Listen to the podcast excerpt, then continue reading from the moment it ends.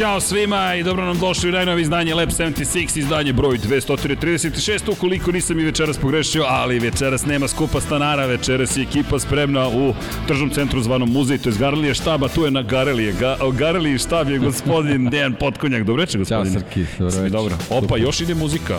Ovo je za publiku koja je ovde. Vanja, može kadar na publiku. Au, Vanja DJ nas ubija. Sa... Ajmo muzika, daj, pusti slovo. Aj, bra. Ljudi, Prvo hvala, hvala što ste došli, da. ljudi. Hvala što ste ovde. I dobrodošli. I dobrodošli, malo pravimo haos večeras, tako i treba da bude, nemojte ništa da brinete. Pre nego što krenemo, i vama ovde i onima koji nas prate na YouTube ili gde god da nas pratite ili slušate ovo u nekom odloženom snimku, prvo želim prijatno, prijatan dan, veče, noć, jutro, šta god daje. I naravno, mazite se i pazite se i vozite i vodite računa jedni od drugima i budite prosto dobri. To je neki koncept, to je neko razmišljanje. Ja vam toplo preporučujem, inače, smislio sam nešto novo na početku, posetite Dramio kao kanal na YouTube YouTube-u i poslušajte šta ljudi rade na bubnjevima. Zašto? Lepo ih je saslušati jer rade neke divne stvari. Ono što je najlepše što stalno govore nešto pozitivno, vežbajte, učite, radite i tako dalje. Molba za one koji su na YouTube-u, ukoliko me čujete 2, 3, 5 puta, to znači da imamo eho. Zašto imamo monitor za publiku ovdje, nas čujete svi? Uh, ok, gledam, gledam tamo kao nešto vidim zapravo, neke siluete. Izvinite što nema dovoljno stolica i pokušali smo da ih nabavimo više, ali ne zamerite, ali ako ne budete mogli da izdržite, to znači da je standardni lap 76 od jedno 3,5 sata u kojem će Deki oko trećeg sata reći zašto ne igra Liverpool večeras, da, da odavde mogu da pobegnem. Ali nema bežanja večeras. Ljudi, nadam se da ste dobro, nadam se da ste spremni za ono što sledi. Pre nego što krenemo, naravno, neka pozitivna poruka, UNICEF, naravno, gospodin je u specijalnom duksu, jednog dana i mi ćemo imati dukseve. Ovo je, Se vidi, Vanja. Uh, mislim da me trenutno potpisuje, pa ne želi da promeni dobro, kadar. Dobro, dobro. Da, mislim da je to. A, tako dobro, je, čekaj. gospodin Dejan okay. Potkonjak. Tako da, za onih koji ne znaju, potražite ga na Instagramu, et Dejan Potkonjak. Evo, ako, se vidi. Tako Evo. ali ako ga tražite na Twitteru, Žakare Pogua. Dakle, za onih koji ne znaju, neka potražiš, znači Žakare Pogua. A mi vam poručujemo klub prijatelja UNICEF-a, to smo mi, 9656, ko može da pošalje poruku 200 ili 500, svakoga meseca ćete plaćati 200 ili 500 dinara, dok se ne odjavite. Pokušaju da se svakom detetu pomogne, nažalost gde god da živite, nekom treba pomoć, uglavnom volimo da pomažemo deci i ambijent koji je iza nas, za one koji eventualno ne znaju, je posvećen humanitarnoj izložbi Dakle, imamo jednu divnu izložbu. Miloš Cvetković Cvele, gospodin sa moje desne strane, je urednik. Andrej Isaković su autori koji su nam prikazali paralele između Formula 1 78. 9. 80. 81. i 2. i 2016. 17. 18. 19. sve do ove godine pogled na crno-belu fotografiju, color fotografiju, kako su se stvari promenile, 52 fotografije, mislim da smo prodali, ako je koleginica iz prodaje koja fotografiše trenutno ili radi Instagram live, ne znam tačno šta radi, trenutno u Laudinom kutku, 14 fotografije je prodato, što je fenomenalno, sav profit ide Nurdoru, tako da ćemo i tu pokušati da pomognemo nekoj deci i hvala pre svega tebi. Ajmo da, može. Ajmo kad ste tu da vas koristimo. A nisam, pazi, nisam ja pokrenuo, ka, ovo si ti pokrenuo, ovo je prvi put, ja mislim, ali to je to. Nije, volim je to. Voli, a, a, evo ja ću ti dati još. ali ljudi, prvo hvala ti što si organizovao izložbu. Hvala. Hvala što si omogućio da organizujem izložbu. E, ne, ovde smo svi, vi ste da. zapravo omogućili, pošto vi ste ekipa Infinity Lighthouse zajedno sa Vanjem, sa koleginicom iz prodaje, da je ne imenujem, kao ne znate kako se zove, ali dobro, zajedno s Petrom, Tobom, Bogdanom, Acom, svima koji su uz nas, hvala vama, Patreonima, članovima na YouTube-u, inače poziv, flagrantni poziv, udrite like, i naravno subscribe udrite, jurimo 20.000 tog subscribera. Tu smo negde, tu smo negde od prvike, dakle, e, Vanja, sad smo jednu stišali, nemam pojma šta se desilo, pretpostavljam da si smanjio zapravo mikrofone, aha, odzvanjamo, dobro. E, mislim da Vanja, ali mislim da ćeš morati da smanjiš malo monitor, a gainove takođe. Deki, morat ćemo da pevački pričamo večeras, a samo pojačaj posle nama u slušalice ovde, ako mo. Kako? Ne čujem. A, a nemoj da nas manjuješ slušalice, slobodno pojačaj slušalice, pošto okay, kako nama je, e, nama je lepo i zabavno. Izvinite, ovako to izgleda iza, po, preprodukcija. Mi nemamo postprodukciju. Šta se desi ovde, desilo se. Videli ste kako nameštamo rasvetu. Ej, deki, moram nešto ti pokažem. Ajde. Izvini, znam da je uvod ponovo dugačak, ali uvek ima neka zabava. Gledaj, gledaj. Gledaj. A? Uh. A, reci. Malo smo se, publika i ja igrali malo pre, kao, ja, igrali se, ja samo menjao boje, ljudi konstatovali šta se to događa, mislim, koje ćete boju? Stavi plavo za kontrast. Ne, ve, slušaj, ovo crvena, evo da naranđasta, ili crvenkasta uz ne, plavu za kontrast. crveno, e to. Ovako. Tako. U, ne, ovo je sad hladni deo. Kad Deki priča ide ovako, kad ja Meni pričam ide ovako. e, a okej, krećemo od Dekijeve boje, a posle ćemo da promenimo tempo. Ali večera smo se okupili zbog Moto Grand Prix-a. Evo nas u galeriji, galerija Štab, pre svega hvala Marku Štabu, poznatim kao, to je poznat kao Marko Brun, ali Marko Štab koji nas je podržao, kao i ekipi iz galerije koja nas je takođe podržala, sedam dana smo već ovde i bit ćemo ponovo ovde, mogu da vam kažem još jednom, ko nije čuo, danas sam ponovo, ponovo proverio da ne bude zabune. Matt Oaksley, Hank Coleman stižu 1. decembra, Ovde ćemo otvoriti izložbu posvećenu Valentinu Rosiju i njegovoj karijeri u svetskom šampionatu. Pošto je završena karijera, krećemo malo tih starih majstora. Biće i za neke koji ovde imaju crvene boje, neke nove brojeve, nemojte da brinete. Vas mogu da obradujem da smo poslali, završili smo pripremu za štampu knjige Mark Marquez Ostvarenje sna, to je pogled na 2013. godinu, njegovu prvu i šampion, prvu šampionsku i, pr i debitansku sezonu u Moto Grand Prix. Ponavljam još jednom, bit će u prodaj, trebalo bi večeras, ali pošto smo ovde, nismo još stigli da updateujemo sajt, tako da će verovatno ujutro to sve krenuti. Nemojte ništa da brinete, dakle, i istići će na vreme. Šta je na vreme, saznaćete kad mi štamparija potvrdi da smo definitivno sve uradili kako je trebalo. Elem, da mi polako li sigurno krenemo. Dakle, bit će ovde još zabave i hvala svima koji ste ovde i čao svima naravno. Ajmo da se čujemo ljudi. Ćao, čao svima!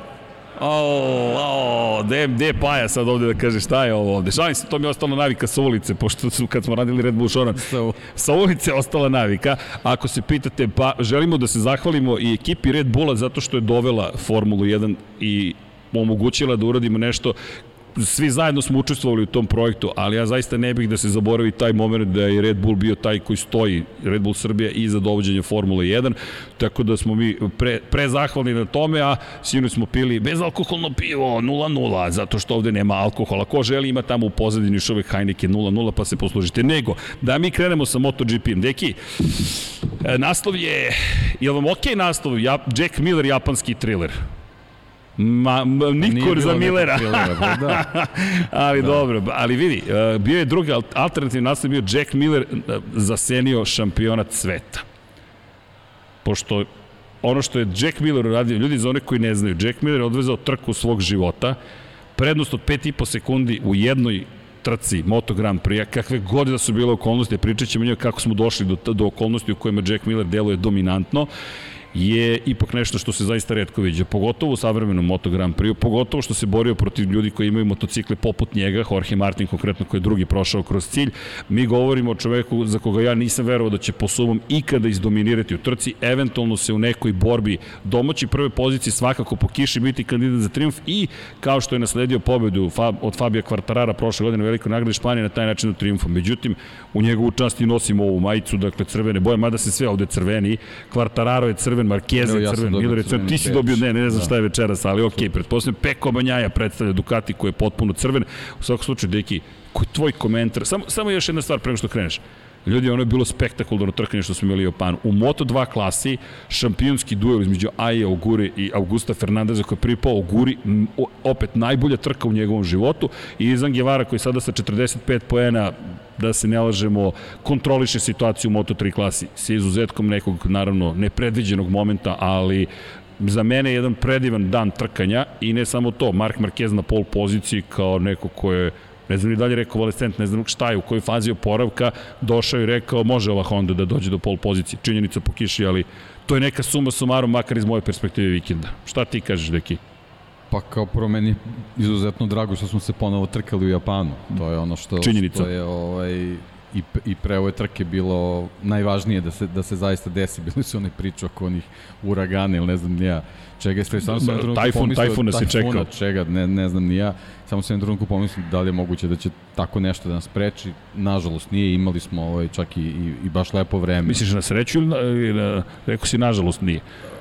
Rekao si na sreću, na sreću. Na Ok, sreću, zbunio da, si me ovde. Ovaj, uh, imali smo čak i, i sunčani dan što se tiče trka. U nedelju da, potpuno baš, sunčan baš dan. bio onako super lep pozitivan utisak i onda naravno, kao što si rekao, te trke nešto malo nepredvidivo, nešto onako spektakularno, zaista, posebno u nižim kategorijama, a eto, a Jack Miller, ne znam, mislim, ja sam zaista stekao utisak da je pre svega uživao u, u trkanju, a eto taj neki Zabavljao se situacije zbog, zbog kvalifikacija i, i svega ostalog, zbog nekih momenta gde se možda neki vozači nisu baš najbolji ni snašli na, ovo, na ovoj stazi je doveo do toga da stvarno izdominira onako na, na, na, na način kako mislim, mogu slobodno da kažem, zaista nisam očekivao njega da će, da će da izveze trku bez greške. U, čekaj, moram da uvatim screenshot ovoga. 19876 broj subscribera. Ho, ho, ho, na 76. Ali okej, okay. a ja imam pitanje, postojiću ga i u četu, ali imam pitanje za publiku ovde. Ljudi, ajde neka podigne ruku ko je očekivao da će Jack Miller da pobedi po suvom, ne po kiši.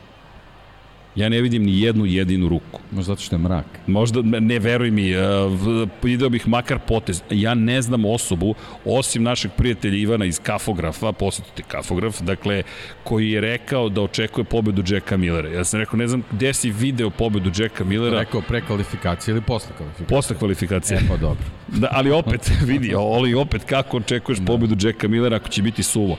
Moja teorija je zapravo da je Jack Miller pokazao da u tim promenjivim uslovima do izražaja može doći i njegova hrabrost i sposobnost da kada još uvek nije 100% poznato kakav je asfalt i kakvi su uslovi može da iskoristi taj Ducati, ali čak ni to mi ne objašnjava ovih 5,5 sekundi. Ja, ja nemam objašnjenje logičko, pritom to je čovjek koji dobio otkaz u Ducatiju i opet ista priča. Ducati dobija pobednike svaki put kada dobiju otkaz. Meni je to negde indikacija onoga što stalno vidimo da je pritisak zapravo pogrešan pa, ili prevelik. Pa upravo to, mnogo puta smo pričali o tome da se, da se ne ponavljamo, ali zaista deluje da kad se rasterete tih nekih uh, situacija koje, koje imaju Ducati, a naravno mi, mi ne znamo o čemu se tu zaista zapravo i radi, da, da dobijemo vozače koji, koji u tom trenutku tek mogu da iskažu svoj put, pun potencijal. Meni, je, meni su fascinantni bili uvodni krugovi trke gde, gde je stvarno e, žestok tempo bio i nisam očekivao da će, da će on biti taj koji će taj tempo da, da uh, održi do, do samog kraja. Evo ja postavljam i anketu, vrlo jednostavno, da li ste očekivali da, da Jack Miller pobedi po suvom? Pitajmo našu zajednicu, pa evo, postavljamo, pa odgovorite. Inače, neko ovde gleda na YouTube-u, Juče su formulaše svi popalili telefone i, i bilo je to zbunjujuće takođe da, da gledamo sami sebe dok neko tu sedi i posmatramo telefone, ali okej. Okay. Jel se lepo zabavljate? Ja nemam nikakav feedback pošto vas ne vidim. Like, dobili smo like. Nisu baš svi lajkovali, samo da znate, vidite se u mraku. Mi vas vidimo, vi nas ne vidite, ali, e, vidiš što dobra rasveta. Ovako je bolje. A, Ako ne vidim ništa kad se Ali dobro, Vanja je postavio kameru danas. E, ljudi, e, ja ću danas da vam tražim aplauze kao u onim američkim šovima, pa se pa ping, pojavi aplauz, ali neće biti besmislen. Samo bih volio da zlupotrebim situaciju i da vas zamolim da pozdravimo Vanju koji je tamo. Sada vidite kako izgleda njegovo mesto, jel te? Eno je tamo koleginica iz prodaje.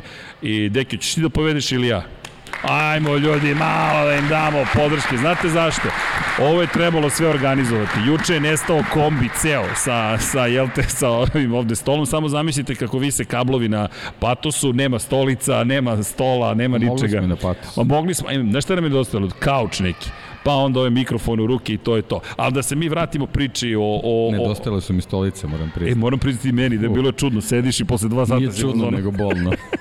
e, ali dobro, navikli smo se na gaming. Elem, ja, ja moram da krenem od Jacka Millera. Da, znam da je borba za titulu šampiona sveta i dalje potpuno otvorena, ali čovek je odvezao takvu trku da, da zaslužuje prosto da se o njemu popriče i ja dalje pa stojim dobro, ja bih volao samo da, da je više takvih trke što se tiče Jacka Millera, iskreno. Mislim, ok, treba ga pohvaliti, ali ne moramo baš da ga dižemo pretarano u zvezde, zato što uh, je on vozač koji sa svojim potencijalom mora više ovakvih trka da vozi.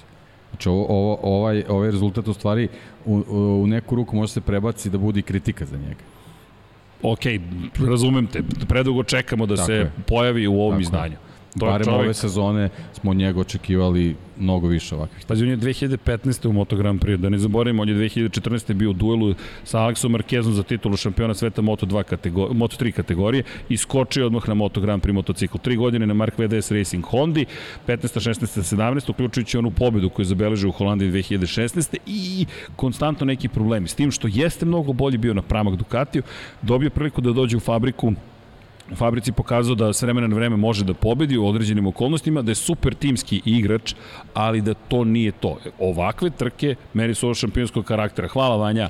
Nažalost ne vidite, ali prikazuje Vanja upravo njegove krugove. Ljudi do devetog kruga Jack Miller je vozio ovako. Dakle, drugi krug 1.46.1, pa 45.4, 45.4, 45.3, 45.3, 45.5, 45.4, 45.1 i tu je završio bukvalno u tom momentu, to je, to je sada, da. to je kraj. Posle meni, meni taj, taj uvodni deo zaista fascinirao, uh, ali sam stvarno mislio da će ostali vozači da, da, da, da mu slome taj ritam i da, da, da oni nametnu svoj tempo, ali taj deveti krug je pokazao da je ta, to njegova trka, apsolutno dok je pritom Jack Miller dominirao, šta se desilo uopšte sa svim ostalim ljudima i stvarima.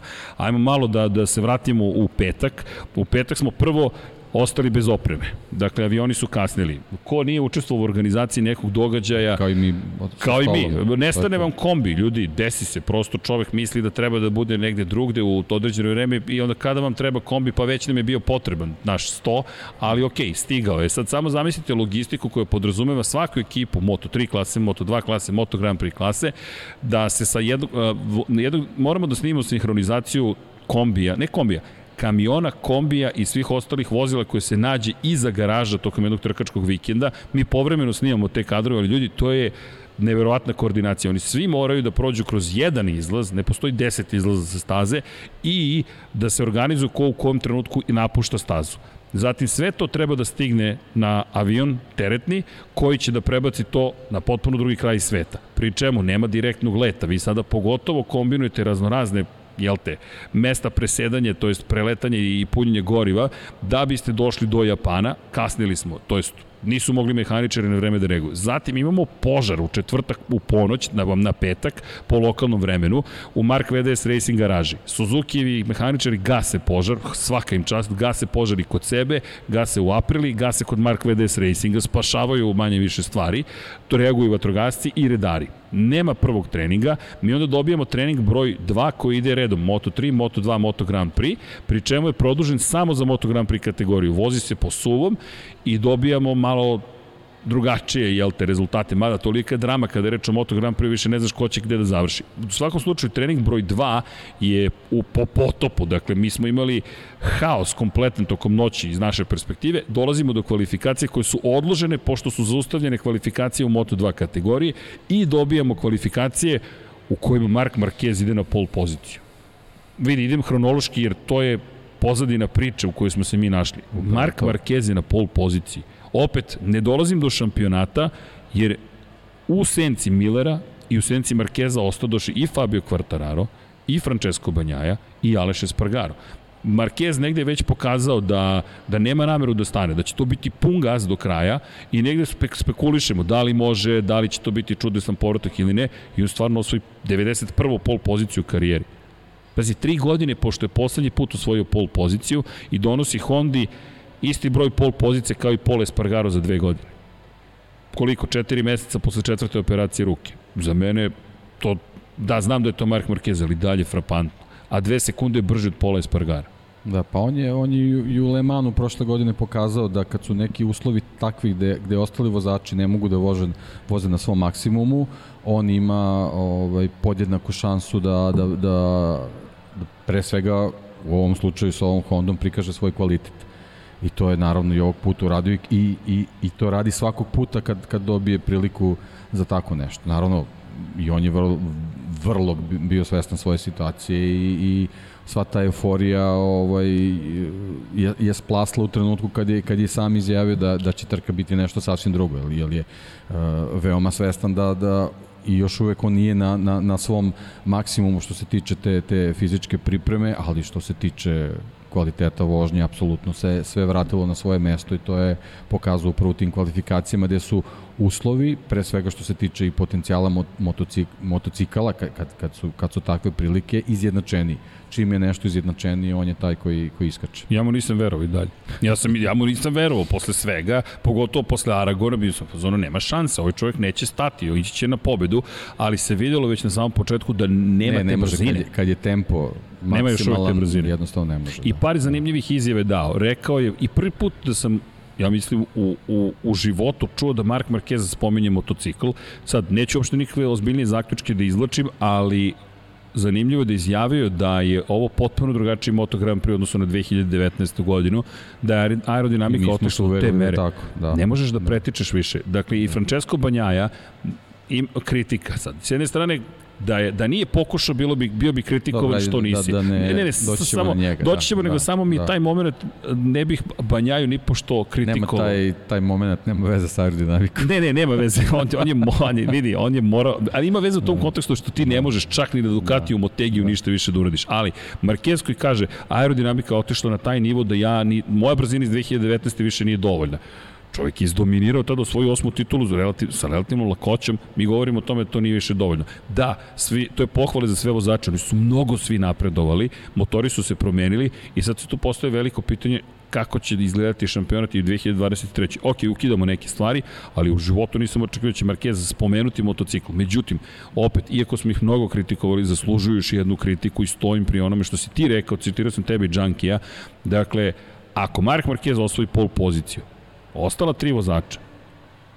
Bukvalno ne treba, ne treba da pričaju više Moraju o vožnji. bar, bar blizu da budu. A ne, ali deki, ne, ne da nisu ima, bili blizu ove, nigde. Ok, povređeni. povređeni ali naravno, konstantno da. neki izgovor. Šta da. je sa Aleksom Markezom? Šta ćemo sa Polom Espargarom? Znam, odlazi iz Honda, ali meri to i pa, dalje poražavajuće. Jack Miller odlazi iz Ducati. Da, Jack Miller, inače samo da ne zaboravim, i on sam je rekao, ja nisam verovao da imam ovo u sebi, da ovako vozim. Dakle, ni on nije verovao, čak si našalio. Takođe nije pohvalno. Da nije pohvalno, ali ok, ali najzad je odvezao kako treba. Da. Nego da se Dobro, vratimo on je skroman momak, pa tako, eto, pokušava da ublaži ovaj svoj rezultat. Da, jel ti djeluje kao skroman da, momak? Pa ne, Trailer, Miller, Jackass i tako dalje. Mislim, i sreto si ga dosta puta u padaku kao ja.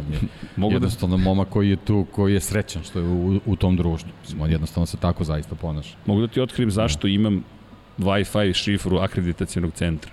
Dornirog. To Dorna ne zna, nadam se da ne razumiju šta govorim. Jack Miller. Bukvalno, zahvaljujući Jacku Milleru imam, imam pristup njihovoj Wi-Fi, njihovom Wi-Fi-u, jer je čovjek dao Wi-Fi, jer nam je bio potreban Wi-Fi.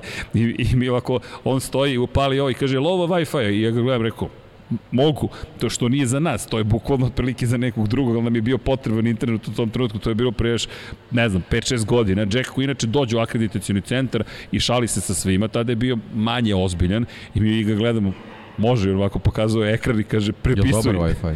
E, nisu promenili šifru 2016. A, mislim, je dobar? Pa, vidi, dok nije proradio na stazi zvanični Wi-Fi medija centra se kači na Dorn. Oni to još uvek ne znaju, nadam se da će tako i ostati. Ne, mislim ako je dobro da backup. radimo podcaste sa staze sve. A ne, nije toliko dobar, ali pokuša. okay. ja, našao sam drugi koji sam, koji se nisam hakovao, ali koji mogu da koristim. Dobro, u detalje. A da, ali, ali eto, čisto da znate, dakle, to se stvarno događa i Jack Miller koji je bio u fazonu. Ne, ne, pa samo uzmi. Jednostavno, Takav je čovjek. Jeste okay. takav, zaista jeste takav. Ono što me, moj problem jeste u poslednje vreme što je počeo mnogo da pokuša, počeo da veruje da zaista kada, kada je u pitanju, kada su korporacije u pitanju da žele dobro. Ja sam pozvao, ne, Jack, oni samo žele profit, to je žele samo za sebe dobro. Ali to je neka druga priča. Nego, Mark Marquez, pazi, impresivan. Nema veze što je bio četvrti. A posebno impresivan taj napad u finišu trke na, na Miguel Oliveira. Pazi, on je pokušao. Ja sam zaista mislio da će on da sedi do kraja samo da, da, da vozi trku, zato što Skupio pretpostavljao sam, pa ne, pretpostavljao sam jednostavno da je umor i stigao. Zar nismo naučili? Da, ali... Opet. Pa ne, i kroz njegove izjave svi da on, on je sve vreme trpeo bolovi dalje, ali, ali to više nije ta vrsta ali, bola, ovo je, ovo je u stvari zamor. E, ovo je prvi put da je rekao da ne osjeća tim, onaj bol. E, I pod tim zamorom on je, on je napadao. I, i opet I to, je na kraju pokušao. Tako je. Evo, tako krugova tako Marka Markeza, pazi, problem je u tempu. Da, da, da, da. Ravna je linija, dakle, on je konzistentan bio, konstantnost je tu, dakle, mi ne govorimo ovde o nekom kubitku brzine. Pred kraj gume, umor, šta god daje, ali ako pogledaš, to je ravna crta, problem je što je to pola sekunde po krugu sporio od Jacka Millera.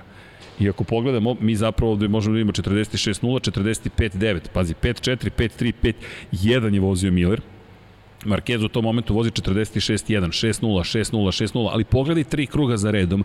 1, 46, 0, 4, 7, 1.46.053, dakle 7000 tinki razlike, onda dolazi 1.46.053. Za hiljaditi deo je brži u odnosu na prethodni krug. To je ono što je Bastianini radio na prethodnoj trci. Pa 46.1, 6.0, 6.0, 6.0, 6.0.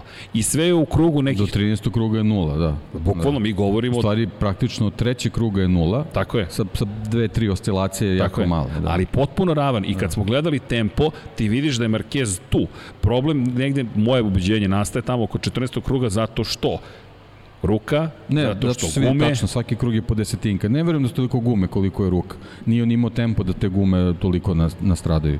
Ba, vidi, mislim, u svakom mislim slučaju... da je jednostavno telo. Ali u svakom Samo slučaju to. on je tu. Da, dakle, da, da, ovo je sad da, pitanje treninga i to ono što u Aragonu sebi nije priuštio, a to je završena trka.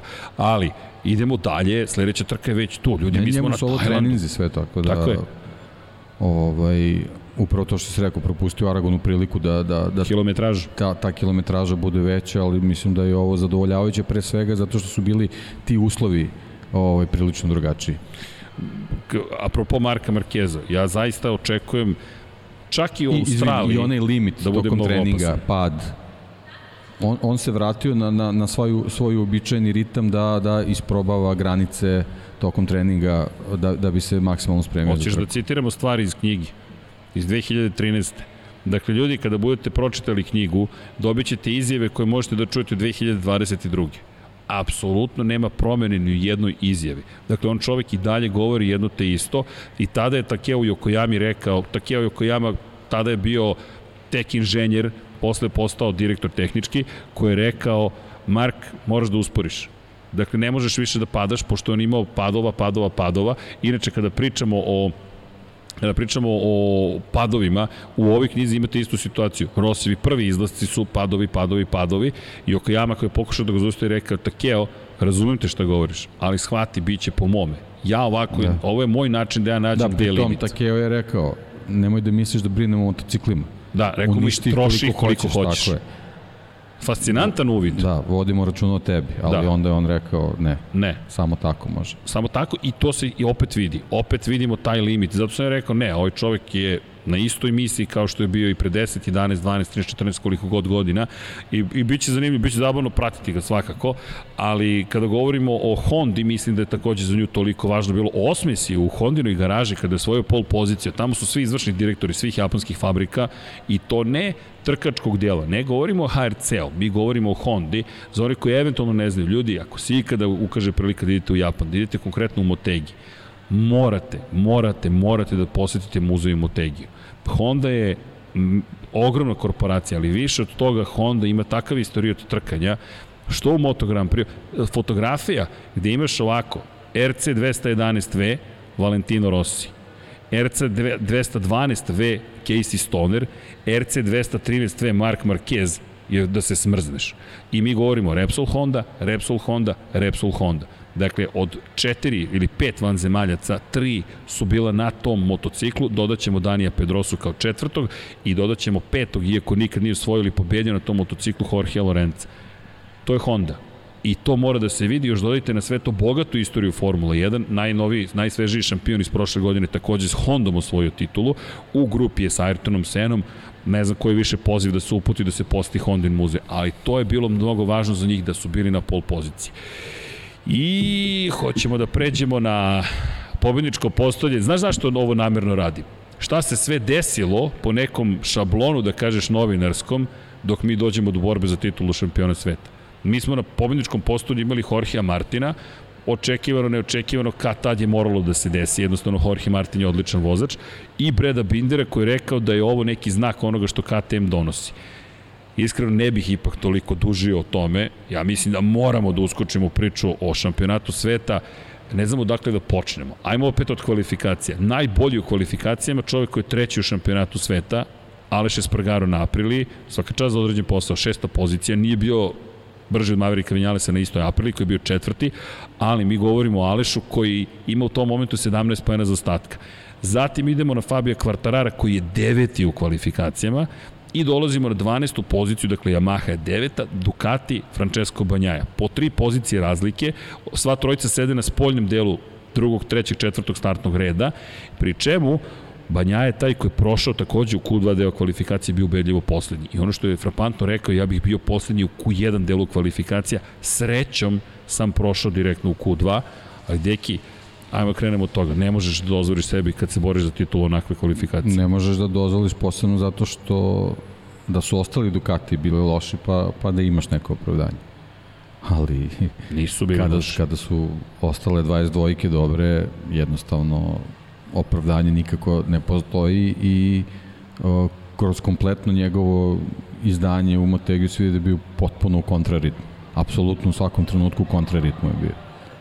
Da li misliš, ajde sad ovako, četiri pobjede za redom, druga pozicija, neka vrsta poraza, inače je Nea Bastianini, čovek koji nas je oduševio vikend ran, pre, je bio na 15. poziciji u kvalifikacijama. Enea čak nije ni došao posle pada u kojem delu kvalifikacije do Q dvojke, a nije bio dovoljno brzo u treningu Pa broj to je, 1. to je možda i slabost Gresinije. Ovo je staza na kojoj 20 jedinica nema apsolutno podatke od, od, od, od prošle sezone i to je ono što smo pričali. O, ovo, je, ovo će biti situacija gde ćemo stvari videti kako Gresini može da funkcioniše i šta može da pruži svom vozaču.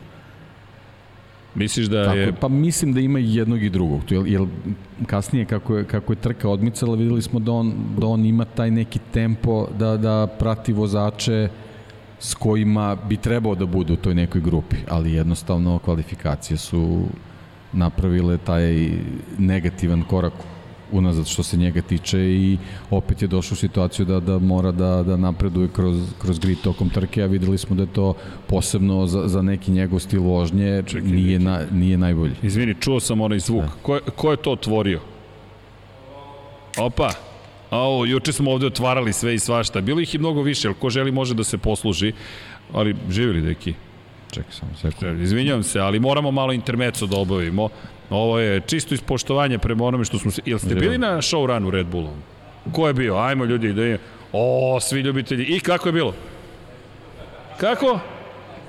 Ne, mnogo ste mi tihi. Ajmo malo glasnije. Kako je ljudi bilo tamo? Ste se proveli? To je bila poenta cele priče, ali mi smo se proveli još više, ja bih rekao, tamo iza kolisa, to ćemo tek, tek ponovo da puštamo, ali u to ime živjeli. Živjeli. Zašto? Pa zato što zaslužuju da ih pozdravimo na taj način. Ali da se vratimo na ono što je bitno, a to je priča o GP od 22, GP 21, Ako pričamo o 20 dvojkama, Zarko je bio na poziciji broj 2, mnogi su bili ubeđeni da je to ta pobeda. Ljudi, ja nisam više siguran, ja sam siguran da će jednog dana to desiti. Samo što mislim da se uopšte neće desiti isto kao sa Jackom Millerom.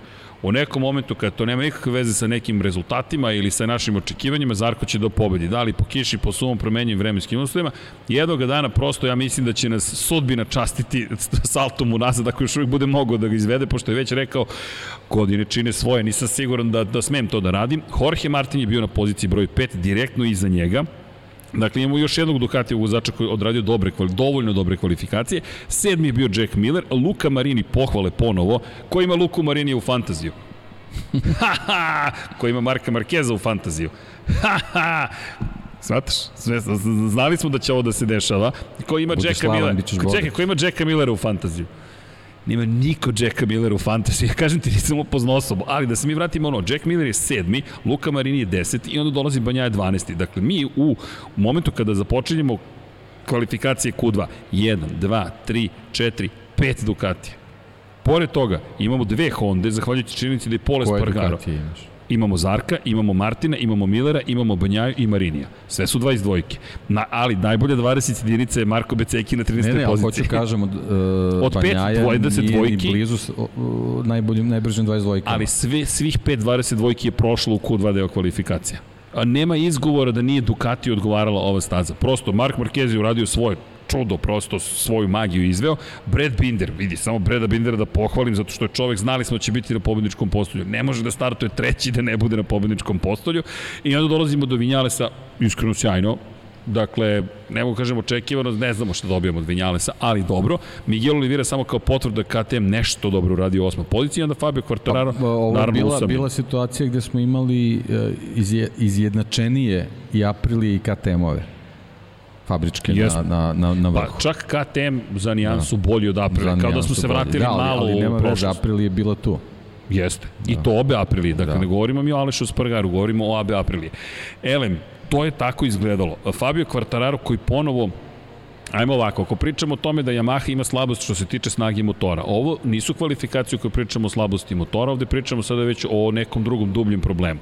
I ono što mene zabrinjava uslovno rečeno, ne znači da će uticati na njegovu borbu za titulu u kontekstu toga da, da neće osvojiti, šanse mu su mu porasle posle ove trke ponovo, ali je to što on stalno, što je ponovio da davno ne uživa u trkanju. I to je ozbiljan problem. Dakle, kada neko ko mora da nadoknađuje prestane da uživa, onda je to ozbiljan problem. Ali ne mogu da ga, ne pohvalim, ovo je ozbiljna kritika. U tim situacijama ti kao vozač moraš da budeš presudni faktor, a ti nisi bio presudni faktor. I onda znaš da dolazi sutra suv dan, jer bilo je gotovo sigurno da će se razvedriti, ti si na devetoj poziciji. Šta je najveća slabost ove godine u Yamahi? Trkanje u grupi. Gde ćeš biti u Motegiju, bit ćeš sigurno u grupi. Šta, nadoknadit ćeš osam pozicija na startu trke. Nema šanse. Prosto nema šanse i to smo ponovo videli. Zaglavio se tu gde jeste i to je to. Dakle, za mene i Kvartararo i Banjaja, ozbiljan podbačaj, Aleš iskoristio priliku. Ok, nije savršeno, ali nikad Aleš nije bio najbolji u kvalifikacijama. Međutim, onda dolazimo do, do, do Aprilije. I apropo tima, malo pre spominješ Gresini, jedna mala greška koja postaje katastrofalna greška. Dakle, moment kada oni zaboravljaju da za one koji ne znaju, Aleš Espargaro je manje više u krugu za zagrevanje zapravo, shvatio da ima ogroman problem, uleteo u garaže, bacio svoju prvu Apriliju, seo na drugu i nastavio da vozi. Dva problema. Prva stvar, nisu promenili mapu. Dakle, imaju takozvanu eko mapu, kada je sighting lap, to je pripremni krug, oni imaju mapu koja najmanje troši goriva, najmanje snage daje, vi samo treba da izađete i da zauzmete svoju startnu poziciju ostala je uključena ta mapa, to mapiranje motora i Aleš nije mogao zapravo ništa da uradi po tom pitanju. Zašto? Zato što ta mapa se ne postavlja kroz vozača i njegove komande, već se postavlja tako što se poveže sa računarom u garaži i oni nameste zapravo eko mapu. Neko je zaboravio. Za mene je to znak koliki je pritisak zapravo u aprili. Dakle, neko je rekao kao Ferrari. da, sad sam teo da izustim. Da. ja, vidi, da. nameće se. Massimo Rivola je stigao iz Ferrarija, izvršni direktor je bio, zapravo sad je izvršni direktor Aprili, bio čovjek koji je vodio Ferrari u akademiju, ali ja pa dobro, ne bih tako ne, daleko da, išao. Ne ja mislim da to na njega, tako zabavna, je. zabavni tako komentar, je. ali ljudi Aprilia konstantno napreduje. Da, da je Ferrari morali bi ovo da ponove više puta, a ja ne mislim da će ponoviti. Ja mislim da će ne, oni ne, sada preti da proceduru. To da, da. Ovo je baš bila skupa škola. Skupa skup. Ali mislim da, da im se nešto slično sigurno neće. Ali pokazatelj koliko je titulu teško osvojiti. I ono što si pričao, greške, Barcelona, da, i znaš kako sada... problem je što, što, što koliko je trajao taj krug da, da nisu prošli i setili se u čemu je problem. To, to je onako isto fascinantno, upravo to što kažeš koliki je pritisak. Ogroman je pritisak. Ja mislim da, da je ogroman. Ono što mi je fascinantno, mislim da Aleš Espargaro najbolje podnosi pritisak. To je ono što je meni genijalno u celoj priči. To je čovek od koga niko nije očekivao. Ja nisam očekivao pobedu. Nikad u karijeri nije bio u ovoj situaciji, tako da Vidi, nije on, pobedio on nema, deki prvo nema sezone. sebi šta da zameri, a nema ni ekipi jednostavno. Oni su u nekoj situaciji gde ni u najluđim snovima nisu pretpostavili da, mo, da može ovako nešto da se desi. Mnogo da romantično. U, da u ovom trenutku sezone oni budu tu gde jesu. E, mnogo je romantično. I da se nerviraju što, što ne koriste priliku. Instagram njegov? Da. koji je rekao, ej, mi padamo zajedno, uspevamo tako zajedno, je, gotovo. I to, pra, to radi vođa. Nije došao da, i rekao... To, ali to je neki drugi Aleš. Da, jeste, pazi, on bi ih sve da. verovatno postrojio i gađao nečim kada je ušao u garažu. Ali odmah posle toga, čim se hladne glave pojaviš, kažeš, ej, ljudi, dešava se. Takve stvari se dešavaju. Samo je bitno da ih ne ponovi. Iako je ove godine on bio čovjek koji ima najmanje grešaka. Ironija. Da. Ironija, ali pazi, druga stvar koja se desila, meka guma je bila na drugom motociklu. Za one koji nisu pratili, tvrda i srednje tvrda su jedine validne opcije bile za onaj topli dan u Motegiju. On dobija meku gumu i vozi neku usamljenu trku tamo na začelju. Iskreno, nadao sam se, znao sam da se neće ponoviti, ponoviti Asen, a sam se nadao bar poen da uzme zašto, da ostane jedini vozač koji je osvojio da, poen u svakoj trci. Gumama, Nema, nije bilo šanse. Da. Nije bilo šanse. Eto, još jedan dokaz koliko je teško uzeti voda. Koliko je teško, bukvalno, ne možeš da osvojiš poene, da. ali pričat ćemo o osvajačima poena, da ne kažemo o jednom osvajaču poena koji meni i dalje fascinira, ali vratit ćemo se na to. U svakom slučaju, kada pričamo čovjek koji uze poslednji poen inače, ali kada govorimo o Alešu, šta da kažemo za njegovu trku? On čak ništa nije uradio. Pa, on je samo dobio nije, tu nije, situaciju. Nije imao trku, da. Bukvalno. Pre starta je sve bilo gotovo praktično. Pazi, sada je na 25 poena za ostatka odnosu na Kvartarara. Kvartarara koji jedini osvojio poene od sve trojice i za 8 poena povećao prednost u šampionatu. U osmom mestu donosi 8 poena. I u takvu situaciju osvojio poene. I sada je I na 18, da se ceni. Pazi, 18 da. poena prednosti u odnosu na Banjaju, 25 u odnosu na Aleša Espargara.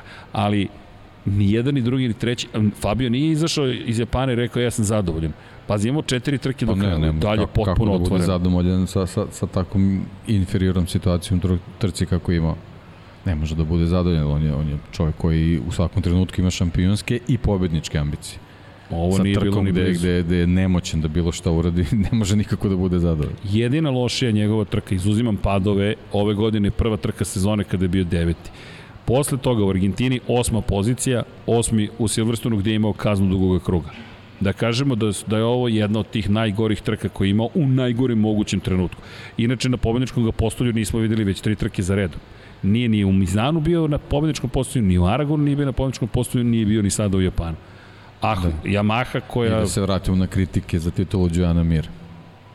Ok, apropo toga, Deki Defender of Mir. pa ne, koliko je kao... Ti čuvaš lako, Mir. koliko je lako biti na podijumu Moto Grand Prix, da. Jo, čekaj, šta si ono imao pre par, pa, pre par nedelja, pa smo nekako zaboravili za, za Suzuki? Zaboravio se. Zaboravio se, godine čine svoje. Možda se setimo do kraja podcasta, ali da, Mir inače nije vozio, Suzuki je nažalost imao, o Suzuki tek ćemo doći da pričamo, ali moramo da zaokružimo priču bitkom između zapravo Francesca Banjaja i Fabio Quartarara. Banjaja koji je jednom trenutku pao na 12. poziciju u trci, oporavio se negde pred kraj, počeo da, da ulazi u duel, da potpuno trka bez događanja bilo kakvih za Fabio Quartarara. U karavanu si, vrtiš krugove, stojiš na svojoj DRS poziciji. Vozić. DRS vozić, bukvalno, jesi video? I stojiš ovako razmišljam da li je moguće da smo stigli do ovde u Motegiju, ali ajmo, krivira broj 2, poslednji krug. Pa, ne, nema znam, komentara. Mislim, sve smo videli, jednostavno, Vidi. kako ti voliš da kažeš, to se ne radi. Da, ali da li mu zameraš? Mislim, da mu zameraš. Da li je moga, ja, ja mu zameram gde je pokušao da napadne. Ja mislim da je to ogromna greška. Pa da, tu nema zamerka, opcije. On, mislim, on najviše sam sebi treba da zameri, ali to je jednostavno niti je bio trenutak, niti je bilo mesto. Ja se da iznenadio, da moram ti priznati. Posebno da, da takav manevar e, ovaj, radiš čovekom koji, koji, koji kasno koči uvek. Apsolutno. Koji kasno koči Pritom uvek. Znaš, znaš kakva će i odbrana biti. Agresivna, naravno. Čak, čak i da, i da, da je bila pozicija se tu uredi protiv njega u toj situaciji, posebno zbog svega šta ti se dešavalo tokom tog trkačkog vikenda, na, na, na, na par kilometara do cilja, apsolutno nema razloga da se to. Ne znam, ja sam podeljen, moram da ti kažem. Pode, da, je, da je bilo ranije tokom trke, možda bi mi nekako onako čak i bilo, no, okay, to ima da smisla. kažem, ok, ali u, u tom poslednjem trenutku, krugu to je već završeno. Da. Pritom, za poen. sve vreme, to je dva, tokom čitave trke jedan, on dobije jedan. imaš informacije da ti ništa ne možeš da uradiš. Znači, tebi motocikl vraća informaciju da, da si nemoćan da bilo šta uradiš. Da nije pao, ok, ali ŠBB, KBB. Pa, Sad je, možemo da vrtimo to u krug. Imao bi 11 poena za ostatak. Ta kazna kad se desi, ali 11 vidi. poena da kažeš da, da, da, da imaš najgori vikend možda ove sezone i da, da si dalje na 11 poena. Kažeš, ok, ovako ovako uh, Fabio Quartararo koji je apsolutno sam nezadovoljan uh, svojom situacijom u, u, u Japanu, jednostavno podižeš moral pre sledeću trku ići ćemo i, i, i, i na to ovaj, gde je sledeća trka i kakve su Fabijeve uspomene odande. Ovaj, ti, mu, ti mu jednostavno praviš ovaj, plezir i, i, i nekako mu ono kad, kad pogleda tu tabelu, jednostavno nabaci takav osmeh kao i ti što sad imaš, a nemam pojma šta hoćeš da mi Ne, ne, ja imam nešto da kažem, ja sam mogu samo sreća. Samo hoću da podelim sreću ljudi iz, iz pet razloga. Prvo, danas nam je sto tu, za početak sve je napravljeno. Napravili smo ovo posebno osvetljenje. Jel vam se dopada ljudi kako izgleda? Ja nemam pojma kako izgleda. Ja, ja uvek imam ružičaste cvikere, što kaže, meni je sve super. Kako? Dobro, dobro potpuno hladno oduševljenje u skladu s ovim bojem. Šalim boje, se naravno, da promenim boje, menjamo boje. Čekaj, menjamo boje. Ajde, sad će da skoči raspoloženje, sad ćemo da zagrejemo ekipu. Čekaj, čekaj, kako? Delimično je povređen bio i Delimično, aha, da, pa jeste, fakat jeste bio delimično povređen. To, to, to je nešto što neko zaboravljamo, ali čisto da, da znate, i Aleš Espargaro je povređen. On ima povredu desne ruke. Nekako, ajde, to stavljam sa strane, ali vi ste u pravu. Fakat čovjek jeste bio povređen. Ali ima tu, ima par problema. Opet vratit ću se epizod, ne epizodu, priču pre priču o šampionatu. Mark Marquez je došao bez potpunih mišića u desnoj ruci. Dakle, to i dalje ruka koja je relativno atrofirana u kontekstu mišića koji se koriste. Zato ja imam kritiku za kvalifikacije. Kiša je situacija, to je 15 minuta vožnje. Nemam problem sa trkom. Trka je, znali smo kako će izgledati. Ali u tom momentu znaš da je to možda i borba za titulu šampiona. To mi je najveći problem u toj situaciji. I onda dolazi čovek koji nije fizički pripremljen, fakat. Fabio jeste povređen, ali Dobre, Fabio je veći rapor ima u trci nego u kvalifikacijama. Vlažne staze. Dolazimo na Mira da, i da, njega, da, što da, si dalje da, da, ali vidi, Indonezija je bila super za kvartarara, zato sam se ja iznenadio u kvalifikacijama, jer gledam čoveka koji ne može ništa da nađe, ali zaista mislim da je tu sada dublji problem kada on izjavi ja ne uživam trenutno u vožnji. Oni kada ne uživaju u vožnji, to se odmah vidi. Tako da, u pravu ste, ne smemo da zaboravimo, to ne smemo da zaboravimo, a to jeste povreda Fabio Kvartarara. Možda se to malo grublji, u kvalifikacijama, ali činjenica, ne može da se ode od toga da čovjek nije povređen. A i došao je zaista u, u bolovima, nažalost pad u Aragonu i dalje će se osjećati i ono što je od svega najteže, Tajland je već tu. Mi smo, oni su već na Tajlandu, oni su već spremni za trkanje i mi počinjemo u petak ujutro, dakle imaćemo međutim oba treninga, petak, petak i to isto zanimljiv pokazatelj. Ja mislim da je tu pokazuje zapravo i apropo Millera i apropo Markeza, to direktno odgovara ljudima koji su eksperti za te promenjive vremenske uslove. Makar je to moj zaključak ove trke. Ako pogledaš, malo imaš podataka, Markez je uvek u, tom, u tim situacijama dobar i Miller opet u tim situacijama dobar ali nešto za razmišljanje i za Banjaju i za Espargara, naravno i za Kvartarara. Ali hvala za to, činjenica. Ne znam ko je rekao, pokušavam da vidim, ali... Pa ali... ne, kad, kad, kad eto sumiramo tu borbu za titulu, Kvartararo opet pobedio. Jeste pobedio. Pazi, tih 8 poena može biti da. mnogo veliko na kraju. Ko kaže da u Valenciji nećemo doći u situaciju da imamo zapravo samo 5 poena razlike između njega i Banjaja ili, ili Espargara. Ali šta ste da pročitam? Pošto se dopisujem tako s ljudima, non stop je moj prijatelj Dušan. Kaže, svi su danas imali neki uh, ajde da, da, da, da, da citiram, a, neki tilt, malo grublju reč upotrebio, počevši od vozača do samih timova, kao da su otišli u drugu dimenziju. I ja mu odgovaram, jer ja sam se tako osjećao, znaš onaj dan kada si tu, ali nisi. Ja sam taj utisak imao celom, celom trci. Bukvalo sve nekako suprotno svemu ne, nema predviđanja, uopšte ne znam šta će se desiti. Znaš kad imaš one dane kada čitaš trku, sada mi nismo Znaš čitali trku, nema pojma šta će se desiti. Kad odeš u Japan. Da. šta će biti na da, Tajlandu da, onda? Da. ne, ne znam, bazi, ali žurka da se očekuje pa na Tajlandu. Pa dobro, tamo sad malo, da, da. Ovaj, navikli su si na vremenske zone i sve. ne, ali baš je bilo čudno, nekako ovako sedim i razmišljam, čekaj, šta se zbiva? Kako izgleda uopšte ovo trka? Prvo, ubit, ubitačan je tempo sa, sa tri vezana sa tri vezana vikenda, posebno sa, sa promenama kontinenta. Ne znam kome to palo na pamet na taj način da se to uradi, ali mislim, mislim da tu ima isto ovaj, nekih nekih elemenata ovaj, koji nisu odgovarali ni, ni vozačima, ni, ni članovima ekipe. Pa vidi, kada pogledaš kad su oni putovali u e, ponedeljak, ja sam gledao Kotora sam pratio, Kotor mi je baš slao izveštaj kad je, gde sleteo, šta je, tko, zapratite gospodina Biodraga Kotora na Instagramu, ima puno lepih informacija, kao, aha, tu su, sad su stigli, sad se dešava ovo, sad se dešava ono, i onda shvatiš kojom, kada ko stiže i naravno je Kvartararo koji, jel te, takođe polstuje manje više većinu stvari na svom putu, pa tako uspeš da ih ispratiš. Ali to nije toliko važno koliko ovo što si rekao, znaš, hvataš ritam. Pričamo mnogo o vozačima Formule 1 i, na primjer, o Suzuki često pričamo. Voziti u Japanu uopšte nije jednostavno. Opet dolazimo do vlažnosti vazduha, opet dolazimo do tih napora. Ne vlažnost vazduha, u subotu je sve bilo u vodi. Bukvalno sve je bilo potopljeno, jedva smo i održali kvalifikacije. Ali dobro, u svakom slučaju čudna, čudan nastavak borbe za titulu šampiona. Nekako svi su bili to, van ritma, lepo si rekao kontraritam. Pa dobro, to I... smo i očekivali, kažem, ja sam jedva čekao ovu završnicu sezone da, da odemo iz Evrope i da se na neki način ti uslovi svima izjednače.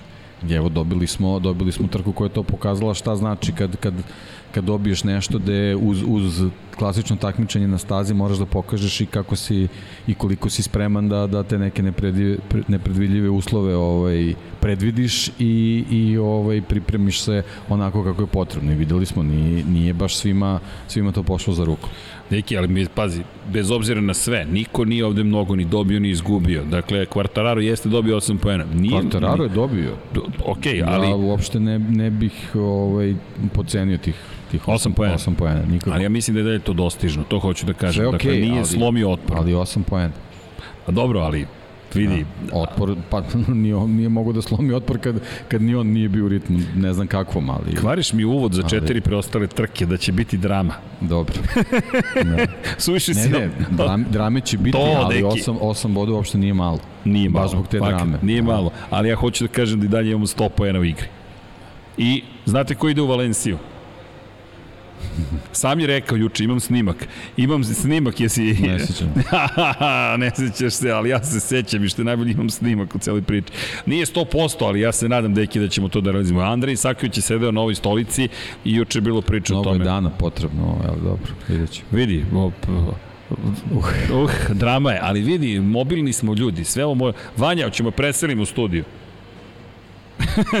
Vanja ne odustaje od ludih ideja i podrške ludim idejama. Vanja i ja idemo kombijem, jer kombiju će biti studio. Može tako? E, može, ali Eto. idemo kombijem. Šta fali? gospoda, ne, vidite ko gospoda avionom. Jeste, otići ćemo avionom. U majičicama vašim ispeglanim, sa kapicama i Pa nas de- dvojica. Samo, samo otvorimo, samo otvorimo vrat od kombije. I krenemo. I krećemo. Za- Sa tim Wi-Fi-em od Dorne i to je. Tamo se Nakačimo prikačimo, pa da. Vidi, sredit ćemo to. Ali nije šala. Inače, ako bude to, mada danas sam potvrdio definitivno se ide u, u Valenciju. Tako da, da, da, da te Pa očekujem. dobro, imate po ugovoru, tako? Mo- Morate da idu u Valenciju. Pa, uh, i čak i da Nije ne da moramo... želite, nego morate. Da, da, moramo, da, da, nije, ne, nije želja, nego moranje, ali ono što je činjenica jeste da, da bi trebalo da... Takav je posao, ni ja ga ne volim. Ali neko, opa, popka je stigla, dobro reče, molim vas, e, evo je dama u doktor 46 majici, ima tu i, svi su se izmešali ovde, ne vidim majici, vidim 1.93, ali gde su, imam 76-ice neke, to, to je najbolji broj, dakle, ali šalno stranu, podržavajte koga, a vidi Vanja kako je ubacio celu priču. Ima i Yamaha i, i 20 i Imamo i Kvartarara, tako da. je, imamo, je li ono Repsol tamo ili se meni čini? čini. Čini mi se, ne znam ko je tu, ali dobro, kako god, imamo raznoraznih stvari. E, u svakom slučaju dobro nam došli. Nadam se da ćete naći mesta, malo je veća gužva nego juče, ali sve kako treba. I u svakom slučaju, apropo Valencije, ljudi, ako neko bude išao, mi ćemo vam javiti ako budemo išli, pa nadamo se da ćemo se tamo družiti, nadamo se da će tamo odlučivati titula šampiona sveta. Ja bih makar volao da tako bude, mislim da bi to bilo spektakularno da odemo u Valenciju za kraj godine i da se svi tamo zabavimo, ali činjenica je da i dalje sve je vrlo otvoreno. I u pravu si, osam I jeste. Hasan Bratić. Hasan Bratić, ti Kaže, poslao za Singapur. ako, ako ideš ti u Valenciju, onda ću i ja. Oh, Deki, Sad već moramo se dogovarati. Sad već moramo da... A, vi, ne, ne, mislim da niste svesni koliko je ovo ozbiljno sada. Sad Deki je, jel te, čovjek koji je vrlo rezervisan u kontekstu obećanja. Ja ih tako ispalim i onda se svi uhvatimo za glavu kako ćemo da ih realizujemo, ali se na kraju na dese. Deki to malo drugačije, ali ovo je... Ništa, počnemo sutra da radi na tome, pa ću te blagovremeno obavestiti. Udarite Može like tako? koji je online e, da bismo poslali Dekine posle, da bi on prihvatio svoju obavezu da ode na poslednju trku sezone Moto Grand Prix-a. Je li to u redu? Ako bude 20k subscribera, A, ako bude 20, do kada, Deki?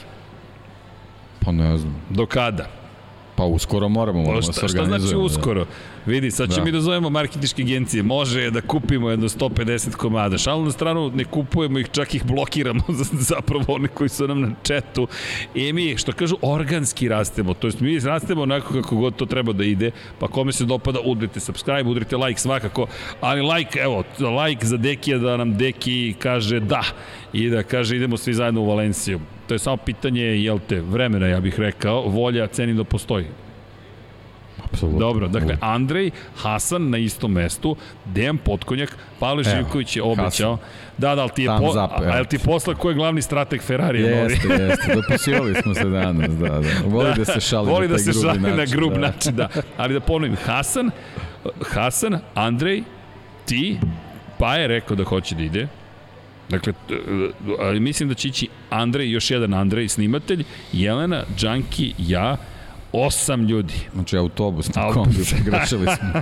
Pa dobro. minibus je lagano, ali to ćemo da... Ima neko ovde da renta minibuseve, dajte ljudi da zaradite, odmah da to organizujemo, da Rešeno govorimo. već sve. Rešeno. Još pre dve nedelje. Do, stvarno? Pa da. Šališ se ili... Evo, sad ćete neći ok, ovo su noviteti za mene. I ne zamerite na digrici, jer nisam imao ni jednu večeras, da li je to uopšte moguće.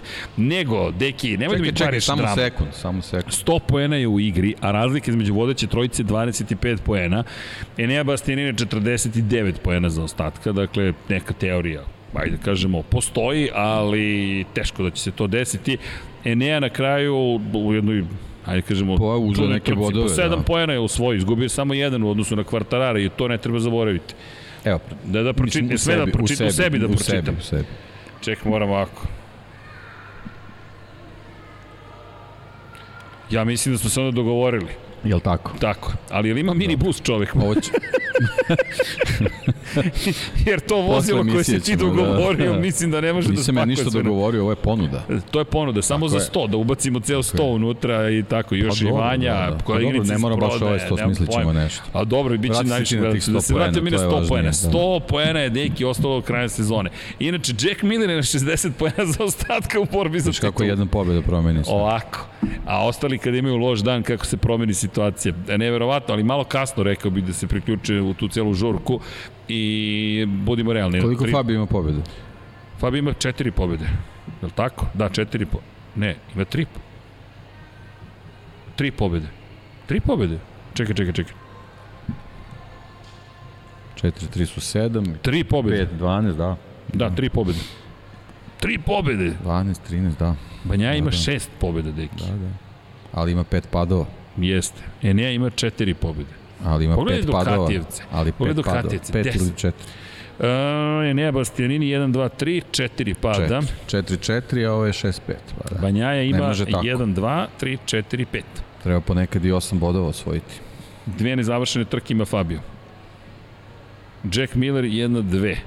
Ali Jack imao taj pad forme tamo, Italija, Katalonija i nije pobeđivao. Ovo mu je prva pobeda ove sezone. I to ne smemo da zaboravimo. Da, Dakle, mi, inače ponovo Ducati pobeđuje. da. I Enea, o, ne Enea, nego Peko taj prvi deo sezone van evropski, Pad u prvoj trci je. i jedan poen u drugoj trci. Samo jedan poen, ima jedan poen posle prve dve trke. A, a, a u, u Indoneziji na drugom mestu bio Quartararo. To je nekako i krenula malo bolje sezona Fabio Quartararo. E, ali opet u skladu nekako sa celom godinom, gore, dole, gore, dole. Niko se ovde ni... Ajmo da pričamo o drugom delu sezone za Fabio Quartararo. Šta smo videli u drugom delu Znaš sezone? kako, od, odvikli su se na kompletnu sezonu svi. Pa, Deki, Znaš, teško izdržati ovaj tempo posle velike, velikih pauza i velikih oscilacija i promena u kalendaru. Znam, ali opet, ti si završio na osmom mestu u Britaniji, imao si kaznu. Ok, drugi si u Austriji, peti si u Mizanu, imao si incident, trkački incident Znaš u kako, Aragonu i Peko- osmi si u Peko Japanu. ti imao loš početak sezone. Uh, Fabio imao Asen i, i kaznu koju sledila. Drugi deo godine bez pobjede. Uh, Aleš je imao Silverstone pad i, i, i pad forme koju sledi. Znači svako od I njih imao... Kataloniju. I Katal, da. Kataloniju, devet Dobro, pojena. opet neki, neki bodovi su bili, ali, ali problem što svako od njih ima taj neki džep koji nastane tako mm, neočekivano i, i sad u stvari dođeš do, do, nekog, do nekog balansa u toj čitavoj priči. Nemam ja nikakav zaključak, moram ti kažem za Tajland, ja nemam predstavu ko će da Tajlandu da pobedi. Imaš ikakvu ideju šta će da se desi na Tajlandu? Pa, Ajde. pročitaj 2019. 2000, pa pobedio je Mark Marquez.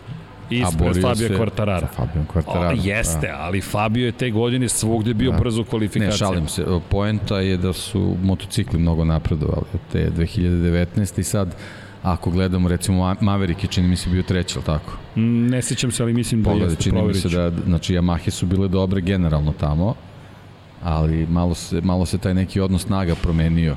Tako da uh, Yamaha može s optimizmom da ide tamo, ali ali mislim da da mm, da će to biti malo malo drugačija priča nego nego te godine. Jer ja posebno gledam to svega, uh, sve zbog, zbog Marka Markeza. Jeste, Vinjales je bio treći. I to ne da, e, tako je, on je bio blizu, on je na kraju trke čak se uključio u borbu. Da. Tako je, deki, to je baš bilo zanimljivo. Tako da ovaj, nije, nije, to, nije to staza gde postoji neko koji je onako eksplicitno bez ikakvih šansi. Ali znaš ko je još Bez pobeđivao? obzira je zadnji pravac, jako kočenje i tako dalje, i tako dalje. Postoji segmenti staze koji odgovaraju jednom motociklu, postoji Čekaj, segmenti deki. staze koji odgovaraju drugom, to smo i, i videli. Imaš segment, izvini, broj 2 za koje je Mark Marquez rekao tada u punoj formi i zdravlju da se ga se plaši. Tako je. To je segment broj 2, sektor broj 2 je uplašio čak i Marka Markeza te godine. I on je imao zastrašujući incident, Rossi je imao ružan pad, Da. to uopšte nije staza koja te I štedi. mislim da je, da je taj Jorge sektor Lorenzo. da, mislim da je taj sektor sektor koji odgovara Fabio Quartararo. Da je zbog toga na, na recimo na toj trci bio tako dobar. Ja apsolutno nemam nikakvu prognozu, nema me čudilo Ne, Luka ne, Marini. ja prognozu, ja samo, Luka Marini eto, da, da samo, samo trku. ovaj, e, Inače, ko zna ovde da je Luka Marini, izvini, pobedio u Moto2 klasi na Da. Tajlandu? da. Po- a pre njega Francesco Banjaja. Eno, jedna podignuta ruka u pozadini. Da, dakle, čisto da ne zaboravimo, Luka Marini je pobeđivao na tom mestu. Dakle, i, imamo opet vozače u nižim klasama koji su bili uspešni. I Fabio Di Antonio, to je prva pobjeda Fabio Di Antonio. Alex Marquez je bio dobar tamo, čini Jeste, mi se. i Albert Arenas je pobedio da, 2019. Da, da. Ali čudno trka za Albert Arenas. To je daleko, više, okay. to je za njih daleka istorija. Da, da ali samo Španci bolje i Italijani. Bolje bi ovde malo sad da bolje ostane na motociklu nego A dobro, u sadašnjem vremenu. Pričat ćemo da. i o tome, ali u Moto Grand Prix samo Marquez pobeđivo u te dve trke i ružan taj pad, čuveni pad 2018. godine za Jorge Lorenza kada je Ducati čudnu poruku poslao motociklu, neki kvar na elektronici doveo do toga da ima možda jedan od najstravičnijih incidenata na Ducatiju. Ali to je period kada imao šansu da se uključi u borbu za titulu šampiona i nekako baš nije htelo. Baš se sve... Po... I opet za Ducati kada je potrebno nešto se dešava, opet nešto ne funkcioniše. I čekaj, opet ista priča kada govorimo o Enei Bastianiniju, da ne zaboravimo taj moment, Enea jeste osvojio poene, ali mislim da je mnogo veća priča njegov duel ponovni sa Franceskom Banjaju. Deki, opet smo imali sudar svetova i opet smo imali Davida Tradocija, menadžera ekipe fabričkog tima koji ne može da veruje šta gleda koji bukvalno ne može da veruje da je Enea Bastianini spreman da napadne Franceska Banjaja. Pa sa tim će morati se suoča sledeće godine. To je jedan veliki izazov za Ducati, a s druge strane izazov za Neo, Neo će biti da se ovaj, privikne na komunikaciju u fabričkoj ekipi. Ali ima još jedna bitna da, stvar. mislim, bit će tu onako Ja mislim da je već jeste. Peri je leti. To su sve, sve ovaj, isti polovi. A da li misliš da je uticalo na Banjaju i ta agresivnost Bestianinija i napadi koje je morao da trpi u borbi za tu po, za poziciju na to da kaže moram da povučem potez. Um, Samo pozdravim publiku. Ljudi, hvala što ste bili. Ćao ljudi. Ovaj, da. Jel ste vi, svi koji stojite, jel ste okej? Okay? Znate da će ovo da traje, verovatno. Deki je, čak i Deki svestan toga. Ali Deki ima stolicu. Hoćete, jednu, hoćete ovu zelenu da donesemo da neko sedne, imamo damu. Sigurno? Ako budete hteli samo, nazirim da je dama po, po, po, po zapravo zvezanoj kosi, ali nemam predstavu kako izgledate ljudi. Ali dobro nam došli i hvala vam što ste ovde, zaista. Ej, evo, udrite like, ej, sad vidim, sad vas bolje vidim nego kroz mrak, jel te, šta ti je kamera, to je sve Vanja namestio. I pozdrav za celu ekipu, evo i gospodin je ušao. A ima jedna slobodna stolica, dobro. U stvari bila je slobodna stolica. Ali hvala vam opet što ste došli, ovo je fenomenalno. Elem, Deki, apropo ovoga, Bastianini, da li misliš da je uticao na Banjaju? Pa jeste sigurno. Da ga naterao prosto, ok, moram biti agresivniji. Jeste sigurno i taj, taj neki, to neko odvajanje od, od, od ne par krivina pre, Bukvalno. pre napade možda dovelo do toga da malo da provri neka krv tu. Da kaže moram. Da, ali Nije morao. nije, nije morao, nije morao. Pa čak i da ga je da, Bastianini to je, to pobedio, suština, da. ti dalje si da. u kontaktu sa Fabijom Kvartararom. To su opet, to je opet u najgorem slučaju šest pojena koji su u tvom džepu vidi, ali stalno pričamo, to je ta podela, da li kalkulišeš, da li voziš agresivno, da li te ponelo. Ono što je meni problem jeste samo nerezonski to, potez. To sad sam to kažem, nije, samo nije to, to agresivno, to je nerezonski bilo. Jer, jer te tu ne vidim da. u toj krivini Mislim, napad. njegova reakcija, On je rekao, aplauz, sam, sam sebi. Ne, ne moram, apsolutno mi ništa da kažem, sam, sam, je, sam je sve rekao o tome. E, ali ovo nije ista greška kao što je ranije grešio. Ovde Ne, ne, ne, ovo, ovo nije, nije greška zbog tempa, zbog Ne, ne, ovo je prosto... Rizika, ovo je neki manevar, ja da, sve da, da, da je Neja da je pogledao rekao, gdje ćeš povuku? Mislim da su svi to da, pomislili. Svi su se sklonili desno. Da, za, za. Ajde, kreni ti. kreni ali, ti u nešto što sigurno neće proći. Ali mislim da je Nea ponovo bio faktor koji je uticao na rezonovanje. Pa, on će sve više više biti faktor tu. A pazi, on je startovao da. 15. I to je ono što je isto za, problem. Za Banjaju i za Kvartarara je ključno da na sledećoj trci budu u prvom startnom redu. Ne znam kako to, kako to mogu da izvedu, ali morat će to da uredi. A pazi, i Pramakovci igraju ogromnu ulogu, da, jer Jorge da. Martin je Jorge tu, Zarko Martin je tu. je bio potpuno rasterećen, raspoložen za vožnju. Lepa vožnja. Da li je u formi, vidjet ćemo sledeću trku, ali ako jeste, mislim da će biti bitan faktor u, u, u finišu. I sezona. to nas dovodi do koga, to je do čega, do Ducatija. Ducati i ta priča, fabričke naređenja, timska naređenja, hoćemo li ih videti, hoće li na kraju reći ljudi morate ovako da nastupite ili ne. Jer pazi, ponestaje trka, poena je manje nego što je bilo pre što su stigli u Japan, nisu radili ono što su želeli kao fabrika i sad malo im se vraća i to što su napravili kup takmičenja. Pa znaš kako, ja, ja ne znam, mislim, jako je teško motocikl, motociklizmu praviti ta, ta, ta naređenja ili neke taktike. Jednostavno oni samo trebaju da mu ne zagorčavaju život, da mu ne stoje na putu, ali to može da se odnosi na, na Millera i na Pramakovce. Ja ne vidim da Gresini i VR46 tu uopšte trebaju da učestvuju u, u toj priči. Iskreno. Misliš da uopšte to nema veze sa, sa, sa, sa njima, sad si me zbunio. Pa, dakle... kao, kao što vidiš u poslednje dve trke, ne, baš nije raspoložen da se slanja Banjaji. Nije. A polufabrički pramak i, i, i Jack Miller možda ne bi trebali da mu zagorčavaju život.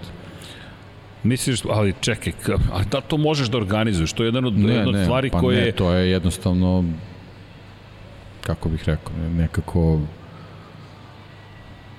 timsko Vidi, ponašanje. Ajmo, Mislim, ajmo, pa, jednostavno ajmo, to par, tako treba da bude. Ali da li možeš ti da organizuješ od sadašnjeg Moto Grand Prix uopšte da se nađeš? Ako se nađeš, si, ne znam. Ne, to ja je samo danje... neki rezon. Apsolutno nije, nije nešto što može da bude pisano ili nepisano pravilo ili neko direktno naređenje. Znaš, šta znači Dobro ustupiti poziciju nekom ili, ili skloniti se, ne napadati ga i tako dalje. Kako, kako ti u ovom u ovom motociklizmu gde imaš, e, gde imaš te grupe vozača koji voze na, na, na, na tinku iste krugove, da, da sad ti nekom ovaj, napraviš situaciju da on mora da, da pravi svoju kalkulaciju da bi vodio računa da je timski kolega.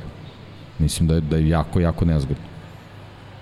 Ne, razmišljam sad o ovome što si rekao iz perspektive Jack Miller i, i, i Pramakovci, ali pazi, Pramak opet imaš svoje sponzor, imaš svoju bitku. Jorge Martin s druge strane, da li mu je rezon da popušta ili ne? Pitanje je da li će Martin ostati do kraja sledeće godine uopšte, to je do kraja sledeće godine on hoće, ali kakav mu je dalji plan? Da li ti sada kažeš, ok, idem da igram ulogu timskog igrača u Ducatiju ili prosto ne, ja moram voziti svoju bitku? kako, to uopšte nije, mislim da uopšte nije priča za, za neku situaciju pretrke.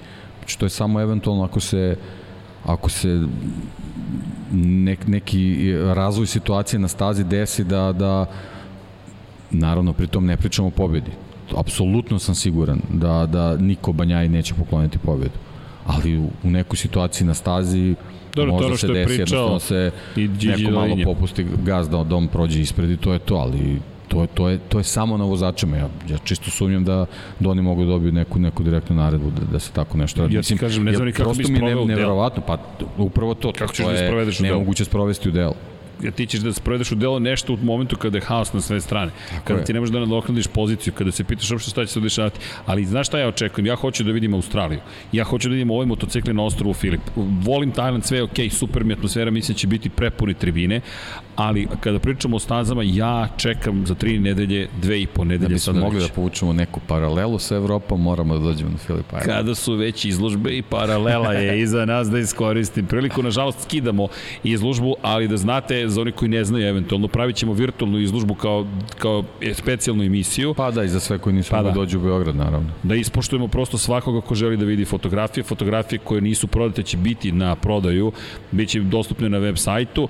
Sutra večera se skidanje ili verovatno sutra ujutro, ali izložba neće više biti dostupna. Možda ćemo uspeti da izlažemo radove ukoliko nešto ne prodamo. Pretpostavljam da nećemo sve prodati do 23. oktobra. Na sajmu knjiga biće takođe u okviru našeg štanda prosto kao nešto što se nama dopada i nešto što želimo da publika i dalje vidi i ima mogućnost da kupi. Tako da znate, pre svega hoćemo da vam predstavimo što Cveletove, što Andreve fotografije i ispričat ćemo vam priču o paralelama kako smo ih mi videli. Sve ćemo da isfotkamo večeras da znamo što, o čemu šta pričamo i onda ćemo se potruditi da vam napravimo neki virtualni vodič kroz izložbu. Prosto svesni smo da ne mogu svi da dođu, čak ni oni koji žive u Beogradu nemaju dovoljno vremena, jednostavno tempo života je žestok, pa ćemo i da se potrudimo da omogućimo na miru da možete što kažu da uživate u fotografijama koje zaista jesu neverovatne ali tu čekam i tebe uredniče da nam objasniš sve izbore. A možda dobijete i bonus koje fotografije nisu videle svetlo dana, pošto ima par fotografija koje želimo takođe da vam pokažemo. Ele, idemo mi nazad na MotoGP, pošto je to publika koja je strpljiva. E, inače, tržni centar se zatvara u 10, ali mi imamo dozvolu da ostanemo i posle 10 na u veliku žalost i on se nadao da je to moment u koji čak nije neću pobediti, ali veze u obezbeđenju koje nas je podržalo. Dobro veče, evo, dolazi Novek, evo šaljemo srca na ulazu, makar to mogu da vidim tamo, pozdrav za ekipu. Dakle, kada govorimo o tome obezbeđenju, rekao, ma nema problema, ljudi, samo vi radite svoje, inače imate veliki ljubitelj automotosporta i među predstavnicima obezbeđenja, što je naravno pomoglo, jer su i oni živali u izložbi, na kraju su i oni objašnjavali posetiocima šta je na kojoj fotografiji, tako da smo svi ovde zaista lepo se proveli i lepo uživali. Ajmo mi dalje, dakle, kada pričamo o borbi za titulu šampiona sveta, Ok, dalje otvorena priča. Tajland, korak dalje, korak bliže. Posle toga nedelja pauze. Za dve nedelje smo na ostrovu Filip, pa dolazi Malezija i Sepang i jedva čekam i to, ali zaista jedva čekam ostrovo Filip. Evo ga i pogled na stanje u šampionatu sveta. Ova crta na kraju nikome ne bi ne prija, ali dvo, drugi put da ima crtu samo da se ne produži kod Peka Benja i ovo je ono što je neverovatno bilo do sada kod Aleša Espargara uvek je napredovao. Ovo je prvi put da ima isti broj poena pre trke i posle trke i mnogo mi je žao što je taj njegov niz nekako okončan, ali ljudi poznajući, ne poznajući... Da, bilo je super da on ima 200 plus boda. Tako je, ali znaš šta, upoznajemo nekog novog Aleša, ja mislim da će on iz ovoga opet neko, neko lucidnost, neko ludilo da izvuče i da kaže, ma sad ćemo još jače da nema budemo. Netflix. A, da, Moto ali... Grand Prix, znači. Ne, ima Netflix. Zove Ne. se Moto Grand Prix. Da ti kažeš, to je Moto Grand Prix. Zato i nisu mogli da naprave show. Show je zapravo na stazi. I, i sve ostalo nekako je pravu, da. bledo. Znaš, Da. ti imaš najsavršeniji show, zove se trka. I to je ono što je suština. Sledeće godine će možda pravi. Ne, ljudi, MotoGP Unlimited ne, ne postoji. Kao što je nestala velika nagrada Mađarske, kao što je nestala... Koja je još velika nagrada nestala? Južnoafričke republike je nestala. Šta nam je još nestalo? Velika nagrada Indije se kao spominje. Velika Da, nagrada Kazahstana. Kazahstan, da. Ma hoće li biti? Deki, jesi ti siguran da će se Pa desiti? ne znam, Koji stvarno. put ja čitam Stvarno, saopštenja da. za javnost Dorne, sledeće godine idemo tu, sledeće godine idemo tu, one tamo godine idemo tu. Um, Mađarska, molim? Mađarska, da, zemlja u, u Evropi, to otprilike to je sve što imaju da kažu na konto Mađarski. Kad pitaš za Mađarsku, ko da si najveći neprijatelj, jer je- nema informacija, ono kao ljudi, šta vam je, recite na šta se zbiva. Ništa se ne zbiva, tako da nažalost nema Mađarske. Možda se desi nekog dana, ali to neće skoro biti. Nema ni staze, niko ne spomenje ništa od svemu tome, ceo projekat Giga Mega Sega i ostalo na nivou lutkice imamo i imamo modele i makete i to je sve. Finska. Finska, Kimi Ring, ali bar postoji staza. Mislim, mada postoji Sokol staza. E, se sećate da je Sokol zapravo promovisan bio, Imali smo me priliku da pričamo o Sokolu, da li će se desiti? Ljudi, nemam pojma, politička situacija isto ne znamo kakva će biti, ali činjenica je da Kazahstan navodno, ono što je meni fascinantno, staza se nalazi u polju, u klasiju žita, dakle, slično Koreji, tamo nema nikoga. Mi, mi ne pričamo o publici. Oko, neko mi rekao, "Jel ovo mala Barcelona, pa rekao, samo ti nedostaje grad u okolini. Ali zaista je tako i ne mislim ništa ružno. Posetite Kazahstan, podrška Kazahstanu. Ne, apsolutno nemam ništa protiv Kazahstana, naprotiv. Ali mi govorimo o tome da nemamo pojma da li će se ta trka desiti. Ja stvarno ne mogu da ljudima kažem sa 100% sigurnošću bit će velike nagrade Kazahstana. Ja ne znam. I, i to, to, Će to je ono biti što je problem. trka. Pa, valjda ako ne znam, toga hoće biti, to vidiš da se za to spremaju. Ne bi me čudilo da sprint trke budu ukinuti do četvrte trke sledeće sezone. Veruj mi, ne bi me iznenadilo da neko na kraju kaže, znate šta, ovo ne postoji više. Kao što su menjali format kvalifikacija s vremena u Formuli 1, pa je Berni, Berni lično okončao taj format, dakle, toliko je bio loš format, ne znam da se to sećate, kad je to bio taj eksperiment, 2014. ili 15. i onda je Berni došao i rekao, publika ovo ne voli, gasi. Nestalo, Dupli bodovi na poslednjoj Dupli bodovi na poslednjoj trci, isto. On doneo, on, On odneo. doneo, on odneo, ali dobro, tad je Berni bio da. čovjek koji se... U, mislim da smo ostali bez baterije, Vanja, da znaš.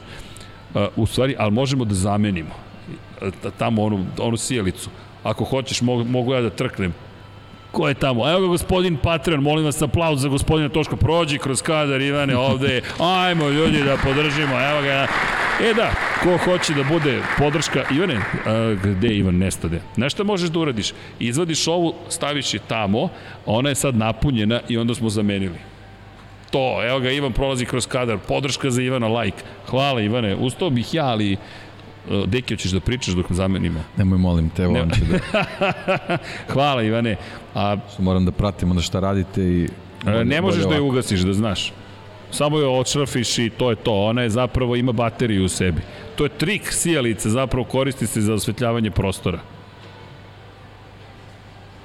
Vidiš? I nije vruće. Ne, nije toliko vruće, to, su, to je LED sijalica.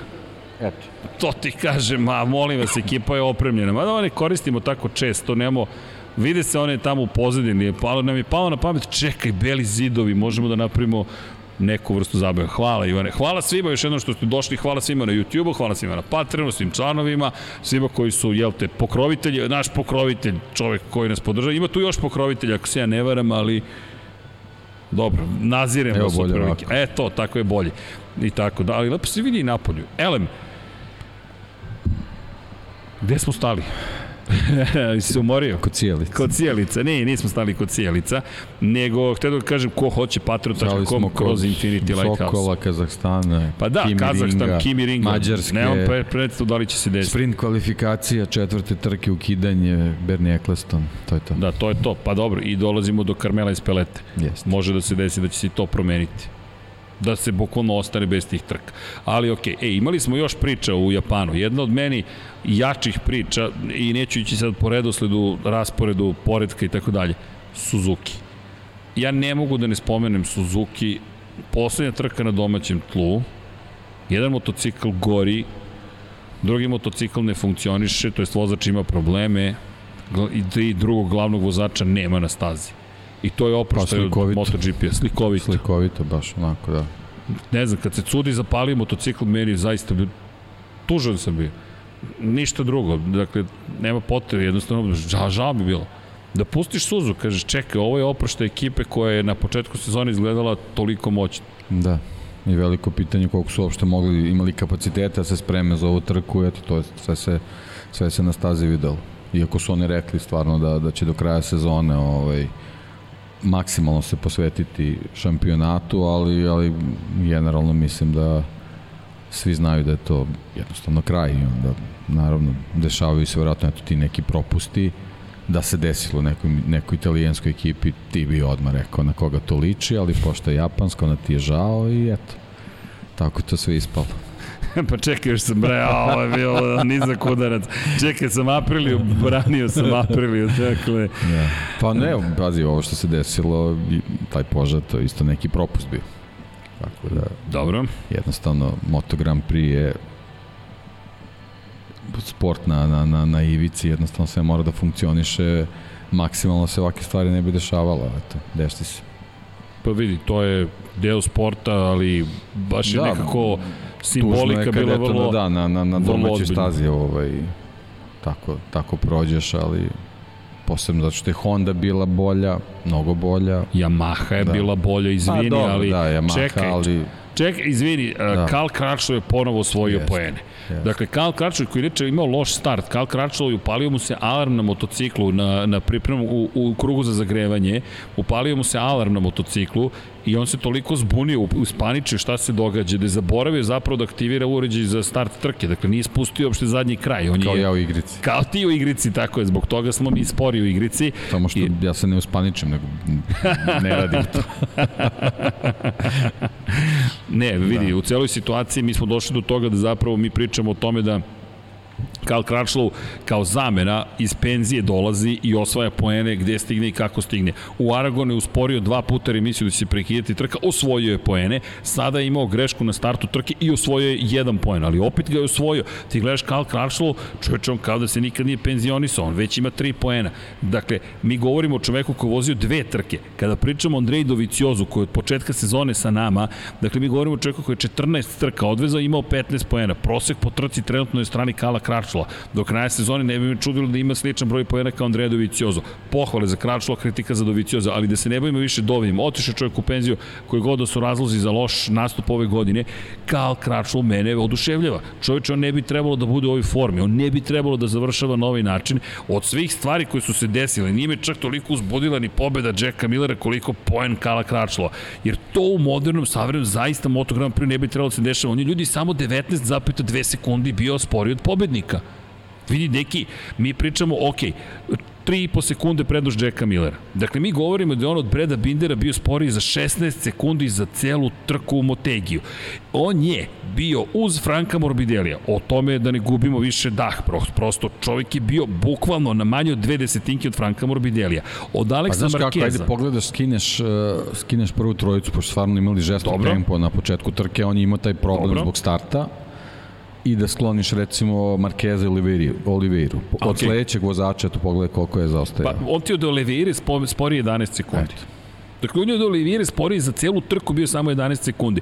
Iskreno, ne zamerite što se uliko uzbudio. Meni je ovo potpuno genijalno. Dakle, on je čovek, pazi sad ovo, sekund spori od Aleksa Markeza. Sekund sporiji od Aleksa Markeza, koji je mlađi, dvostruki šampion sveta, ima fabričku Hondu. Kada pričamo o Polo Espargaru, sekund i po je sporiji od Pola Espargara. Od Pola Espargara na fabričkoj Hondi. Joan Zarko na Ducatiju je završio manje od 3 sekunde ispred Kala Kračlo. To je, to je dobar reper. Koji, znači, koji znači, komentar principu, da se da? Pa, On je u toj grupi drugi tu bio. Tu Yamaha očigledno treba pročitati. Razumeš, to je čovek to je, penzija. Treba otključati taj On je sada tata, on, da. on ima svoju Willow i on se bavi porodicom i on ne vozi i on dođe i na jedno, u jednoj najtežih disciplina na svetu, on postigne ove rezultate. Kao Kraslu jednako Jack Miller. Kal Krap, pa drugari su. Ali vidi, ovo je konzistentnost. Ja bih voleo, ne znam šta da poželim za Kala Kračla. Čovječ, on je brže od Franka Morbidelija de facto. Kal Kračla je brže od Franka Morbidelija, koji dalje ima iste probleme. Franko se pojavio u par treninga, opet Franko isti problemi. Priča o dugim, brzim krivinama, ne može da ih savlada, ne ume, ne zna kako, ne, ne zna zašto.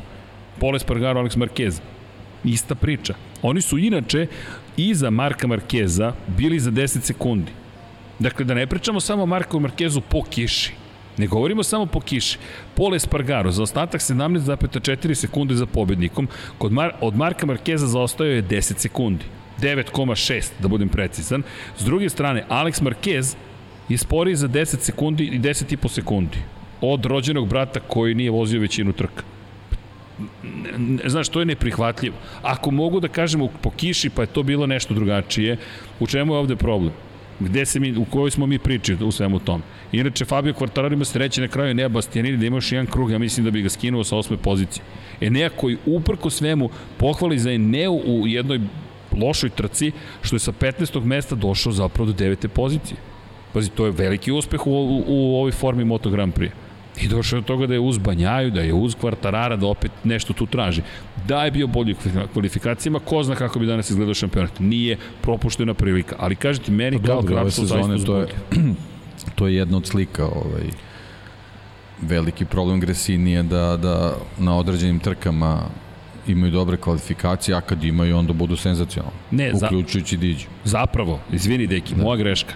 Znaš šta je najveći poraz u celoj priči? Fabio Quartararo je bio na 10 sekundi od pobednika, a na 19 sekundi Kal Kračo. Kal Kračo uz grešku je 9 sekundi završio trku iza Fabio Quartarara šta da vratimo Kala Kračula u fabrički tim Yamahe, to je da ga dovedemo prvi put u njegovoj karijeri. Kažemo, aj sedi Kal ti za, za ovu fabričku Yamahu da vidimo mi šta to može se desiti. Ne verujem da će se vraćati, ali činjenica da mi je žao što nemamo nekog vozača koji to može da uradi.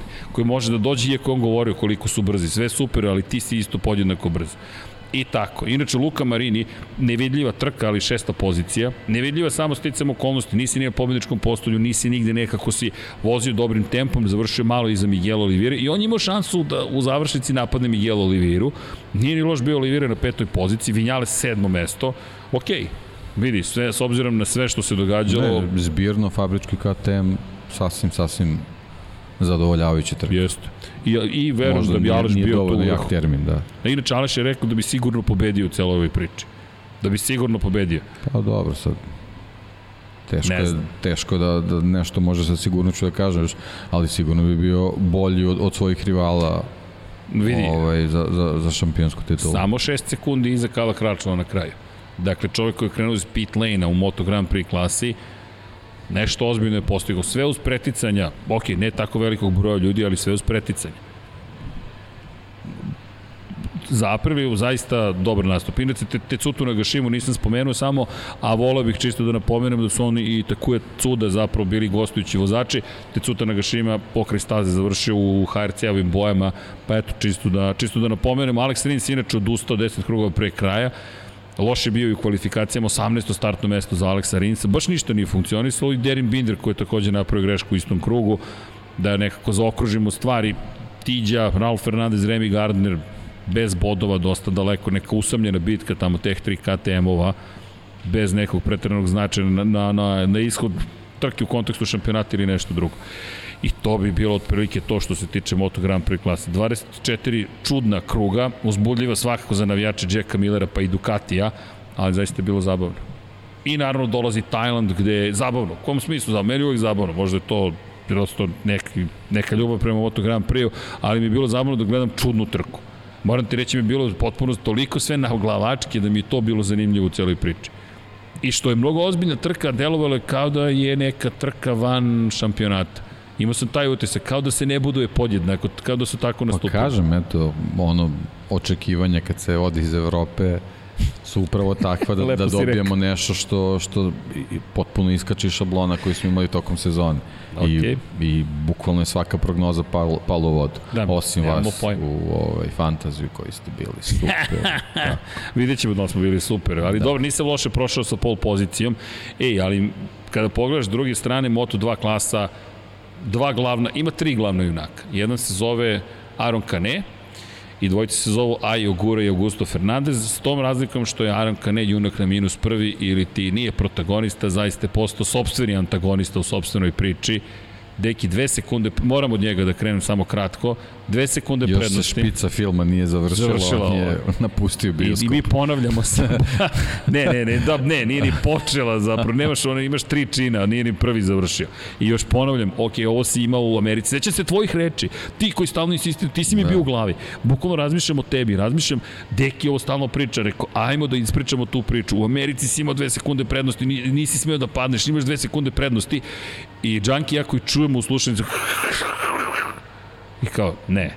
Samo, samo da nije, pošto kako prati kadar obično jeste i vidiš Kanea i kažeš, ok, ad acta, stavljamo celu priču i onda briljantni, a Jogura trka života. Za sada jest, trka života. Jeste ono napredovanje na, u, u, u početnoj fazi je stvarno bilo fenomenalno i u stvari to je jedino što je mo, mogao da uradi. I, da to nije uradio, da mislim da, da ne, Augusto ne, ne bi ga pojeo. Da, da, da, da. Augusto bi ga pojeo. Pogledaj krugove. Od drugog do 22. To je koliko? 1.51, 51.7, malo je popustio, ali 51, to je nije popustio, to je preticanje.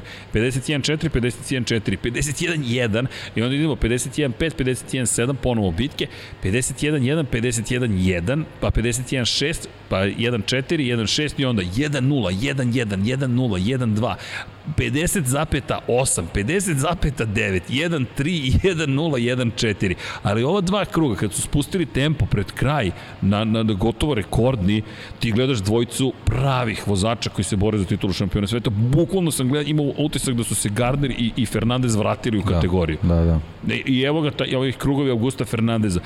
Prva četiri kruga, to je drugi, treći, četvrti i peti, Rezervisano. Pazi, ali vrlo kontrolisano da. zapravo. Da, da, da. 1-6, 1-6, 1-6. Pri čemu su razlike u hiljaditinkama. 6-4-8, 6-4-3, 6-4-2. Dakle, u 6 hiljaditih delova sekunde prva tri kruga i onda 6-1-4 i onda tek kreće obaranje krugova i da. ti vidiš ovde kontrolu situacije i ono što smo rekli tokom prenosa, Ovaj čovjek je strpio. Da, on, on, da, on ne, ne ostupa od svoje strategije ni, ni, ni šta god da se desi tokom ne. trke. Da. Ne, i onda naravno na kraju ti I onda dobro, desiti su Aju gura, ali... Ok, vidi, to je borba za titulu šampiona sveta, tako, tako je. je. Nemaš ti sad očekuješ da sve budu idealno. Znaš na koga me podsjetilo ovo? Na koju trku? Velika nagrada Malazije 2009. Hiroshi Aoyama na stazi na kojoj Honda ne bi trebalo protiv Gilere, povalka Aprilije, bilo šta da može da učini, on pobeđuje Marka Simoncelli. Sve sa onom nogom kojom ga Simoncelli gura To su ljudi zaboravili, ali Simoncelli je čak i nogom znao da se ritne na, izla, na prolazku pored ko, to, to sada mislim da bi ga uhapsili bukvalno, ali Marko u to vreme ko koristio ne, ima ima dosta koje, slika sa sa nogom, sa nogom koja, koja viri, da. koja nije na nogostupu i ti gledaš i ok, ovde će nešto se desi, ne. I Hiroshi koji nije odustao, baš samurajski odvezao. Važna, to je bila najvažnija pobeda u karijeri zašto jer je tu morao da zaustavi napredovanje Marka Simoncellija, pa i Alvara Bautiste i odvezao je šampionsku trku. Jedino što nije bilo u Japanu. I gledaš Hiroshi koji, koji maska je spala, podvukla se ispod nosa, koji stalno ima masku, ako mu stoji. Znaš one smešne situacije, kada čemu više ti ne služi, ali Aoyama koji poštuje pravila i naravno treba da ih poštuje ovako stoji ti vidiš čoveka koji samo da se ovo završi kako treba i cela garaža, naravno. I Demicu Honda, da ne zaboravimo, to je, nek, to je pobeda za, za ekipu Honda i Ajo Gura koji na sedmom nebu, što kažu, baš je bio dobro. Pa dobijamo novog Ajo Guru, drugačijeg Ajo Guru koji je shvatio, da, zrelijeg koji je shvatio da, da ne može uvek da bude uh, vozač koji uh, kako obećava. Rekao, pa ne nešto obećava, nego vozač koji, uh, koji ne želi da ide preko granice, preko limita shvatio je, ne shvatio, mislim, jednostavno to je, to je ovaj, čisto taj neki put sazrevanja, ovaj, jednostavno da ako, ako se boriš za titulu moraš Moraš ponekad ovo da uradiš. Da, da pokažeš da, da, da ono, pokažeš zube i da, i da, ovaj, Da zagrizeš. pokažeš koliko vrediš, tako je. Tako je. I, i, i super radio A, posao. ma ono, ne, ne može bolja situacija bude nego da to radiš upravo protiv čoveka sa kojim se boriš za titulu. Tako da ovo je bilo savršeno još, plus Japan, ne, ne, ne može bolje da bude. Ne, zaista. lep trenutak, još Lep, nije lepi gotovo. sunčan dan za Evo Gur. Da, ali evo, evo pogleda na stanje u šampionatu. Bravo Vanja, hvala. Ej, dva poena, deki. Ništa, apsolutno ništa ih ne deli. Mi ovde pričamo o to. Ne čak ni o grešci, o poziciji na stazi koja menja sve. Bukvalno. Pogledaj, pogledaj ovaj, od, od Argentine kako je ovaj Fernandez imao tu neku neki niz loše sreće. Posrtanje. Da, da, da. I imao i, mada, mada u Argentini on sam napravio Sam, grešku. sam, da. da. On je tu sam napravio grešku, ali ej, to je borba za titulu To je bukvalno bila situacija, ni, to nije bio tipičan ovaj, Augusto Fernandez i desio mu se pad. Dobro, vidi, jedan i drugi I to, je i, Portugalu, on, I to je i on naučio isto lekciju. ali gde Da. Ogura je zato bio loš u Americi. Tu je popustio i to su jedina popuštanja za njih dvojicu. Da. Od momenta kada su u Portugaliji obojica zapravo završili pokraj staze, jednostavno beleži pobed. Ono što je zanimljivo kod Fernandeza, Fernandez zapravo, ne, u Argentini je bio deveti, Ogura je bio drugi, čekaj, ko, ne, Ogura je bio dobar u Americi, on je bio drugi u Americi, e, Fernandez je bio loš u Americi, ali od tog momenta kada smo stigli u Evropu, pada u Portugaliji i Dobro, jedan i pad u drugi... Portugali to... To, to, To nema veze ni sa jednim ni sa drugim, da, to ne veze, da. Ali od tog momenta, pazi, ti imaš tri pobjede Aje Ogure i četiri pobjede Augusta Fernandeza. Aje Ogura više ne zostaje po broju pobjeda. To je ono što je Da, s fenomenalno. tim što Ugura se baš znoji da dođe do pobede. Činjenica teže je. Teže Vidi, je, da. liči mi to Da, na da, da. ojamu. Kažem Da, ti, da, da. ojamljena ta žilavost i borba, neodustajanje, ali postaje lakše. Pazi, ovo je prva pobjeda za Aje Oguru koja nije ostvarena sa pol pozicije. I to ne smemo da zaboravimo. Jer vidi, do sad mora da uzme pol. Pozdrav ovde ekipi, ne znamo, dođite slobodno ako, ako je zabavno. Upoznajte se sa MotoGP-em, svet MotoGP-a, samo za vas. Da pokušamo. Neki klinci, verovatno im je zabavno šta radimo, ali neka uvek su svi dobrodošli. Dakle, pojenta je, Pazi, Ogura je morao da osvoji pol poziciju ranije da bi, i pričali smo, dve pol pozicije, dve pobede. Sada nije bila pol pozicija. Aron Kane je osvojio pol poziciju, da. Da. dosta upečatljivo. Da, ali očigledno je bila i staza koja mu prija domaći teren i Ma sve se to je, složilo. to je kao pol pozicija. Jeste, baš se sve da. lepo složilo. I Ne, ne, ali stvarno je fascinantan. Prvi, drugi krug baš je bio ovaj... ja sam, kažem ti, oduševljen. Mi, evo, I ne krijem moje oduševljenje činjenicom da smo njih dvojicu imali na kraju u bici. Da. I ono što je bilo potrebno Šteta u Guri, što, što nije ostao Kane da vidimo da li, da li bi mogao da održi tu razliku ili bi možda isto u nekom trenutku malo posustao pa bi se ovaj pa bismo dobili neku Vidi. Bitku u, u troje u ovaj u finišu, ali ovaj šta da radimo takva situacija jednostavno pa pazi, da je pobedio. ali ali ali simptomatično da ove godine imamo dosta vozača u Moto dvojkama koji se odvoje, naprave razliku i onda se dešava pad. Jeste. Sećaš se Barcelone? Jeste Barcelona. Da. Imali smo i, i imali smo u Americi situaciju, da. Da. imali smo sad situaciju, ali na šta je Ajde, Joe Roberts, ne znam, to je Da. taj trenutak koji Pa ne, želiš, želiš, bude njegov. želiš da, da, da ono što je već dominacija bude i veća i onda se desi ali greška. ili se plašiš možda da to zapravo ni nije sta, sta, realna situacija, Da. ne veruješ dovoljno u veruješ sebe. sam sebi, to, Tako je, bravo, ne da, veruješ da, u sebe. To je meni pokazatelj, jer Da. vidi, na dve moram sekunde... još, moram još, moram ne, ti još, kontrolišeš da budem siguran, situaciju. da. Ne, zamisli da je Fernandez imao dve sekunde prednosti na početku. To je to. On dozvoljava eventualno da. 1,5 i to je to. Eventualno ako baš voziš neku spektakularnu trku pa ćeš mu se približiti, ali ti kontrolišeš Da, ma da, situaciju. na, na, tr, na prošloj trci Aragon nije, nije baš ta velika razlika, nije mu donela pobedu, ali Dobro, Pedro je bio, da, da, Pedro je bio u elementu, ali vidi, to je opet neko je odvezao spektakularnu trku. Ali činjenica, Aragon je meni dalje najzbunj, najčudnija trka za zapravo Augusto Fernandez. To je bilo zbunjujuće, jer u tom momentu Gura negde tamo na začelju, Gura se probio na četvrtu, ti padaš na treću, I možda nam je to ispasilo šampionat iz perspektive da. neizvesnosti, vidjet ćemo. moguće, moguće, da. Tako deluje za sada, ali ok, ok, vidi, meni je dalje spektakl to što su bila njih dvojica i naravno čudo zvano Alonso Lopez, on čovjek ne odustaje. Ja sam bio ubeđen da će onda nestane u daljinu. Sam rekao, ok, ajde, odjavi se i da, da, da pričamo o drugoj poziciji. Ok, nije uspeo, ima tu još da se uči. Tek i on ne učenje. silazi iz pobedničkog da. postolja. To su šampionske vožnje. Pazi, on je bio drugi, sedmi, pobeda, pad u Aragonu, ok, greška, treća pozicija. Pa dobijamo ga pre nekih drugih vozača koji bi trebali da budu da budu na toj poziciji. Ne znam, lepo da. je vidjeti. O, dobroveče, još, još jedan drago viđen gost, da ne kažem drago viđena gošća. Pa dobro nam došli. Ovde možu, mogu da se šteknu ljudi koji su bili u šopingu, pa hoće da ostanu posle 10. Pogledajte izložbu ako hoćete, jeste da nije osvetljena, ali uživajte u ka... Slobodno, bit ćete u kadru, ali vama to ne smeta, tako da je sve okej. Okay. Da, kogod želi može da učestvuje virtualnoj izložbi, ljudi. Mi se ovde lepo zabavljamo, dakle, having fun, što kažu. Ja se nadam da se zabavljate, ja nemam pojma, nama je zabavno. Je vam zabavno, ljudi? Ajmo, ljudi, je vam zabavno, ja, ja, deki. Čekaj, vidim, vidim ko ne tapše. Ajmo sad svi. Ne, ne, ne, ne, ne, ne, ja ne nastavljam dok ne svi. Ajmo, ajmo ljudi, ne, ne, ne, ne. Ajmo. Zbog Dekija, ne zbog mene. Ne, ljudi, ali šalu na stranu, čisto da znate, ovo je stvarno Nama je zadovoljstvo što ste svi u tolkom broju tu. Znam da nema mesta, izvinite svi koji nema dovoljno stolica, ali naše očekivanja nismo baš znali da će ovoliko ljudi doći, pa ne zamerite. A imamo i damu koja zaista gleda izložbu i tako i treba da bude. Tako da je sve... Evo, ovo vam je Lab 76. Dakle, uživajte u onome što se događa. Mi se lepo zabavljamo. Deki, ti zabavljaš? Kao, svaki put. Kao i uvek, Deki je uvek zabavno kada je ovde. Mislim ovde, kada je u studiju na kraju univerzuma. Ali iz te perspektive, svi možete da svratite, ali ne možete u ovom broju, morate da se javite, eno je koleginica koja već gleda u mom, u mom smeru šokirana. Dakle, samo se javite na Infinity Lighthouse na Instagramu i imamo 5-6 mesta koje možemo u studiju na kraju univerzuma, da, dakle 5-6, 3-4, ne znam ja koliko ih više ima, ali činjenica je da se javite i svratite kod nas, mi smo uglavnom otvorenih vrata, Svetogorska 46, ko hoće da, da kupuje, ako ste već bili u šopingu u tržnom centru, svratite kod nas, šopingujte, jer knjige stižu. Jedno čekam da vidimo još, na, još jednu knjigu u našim izdanjima. Deki, hvala na tome.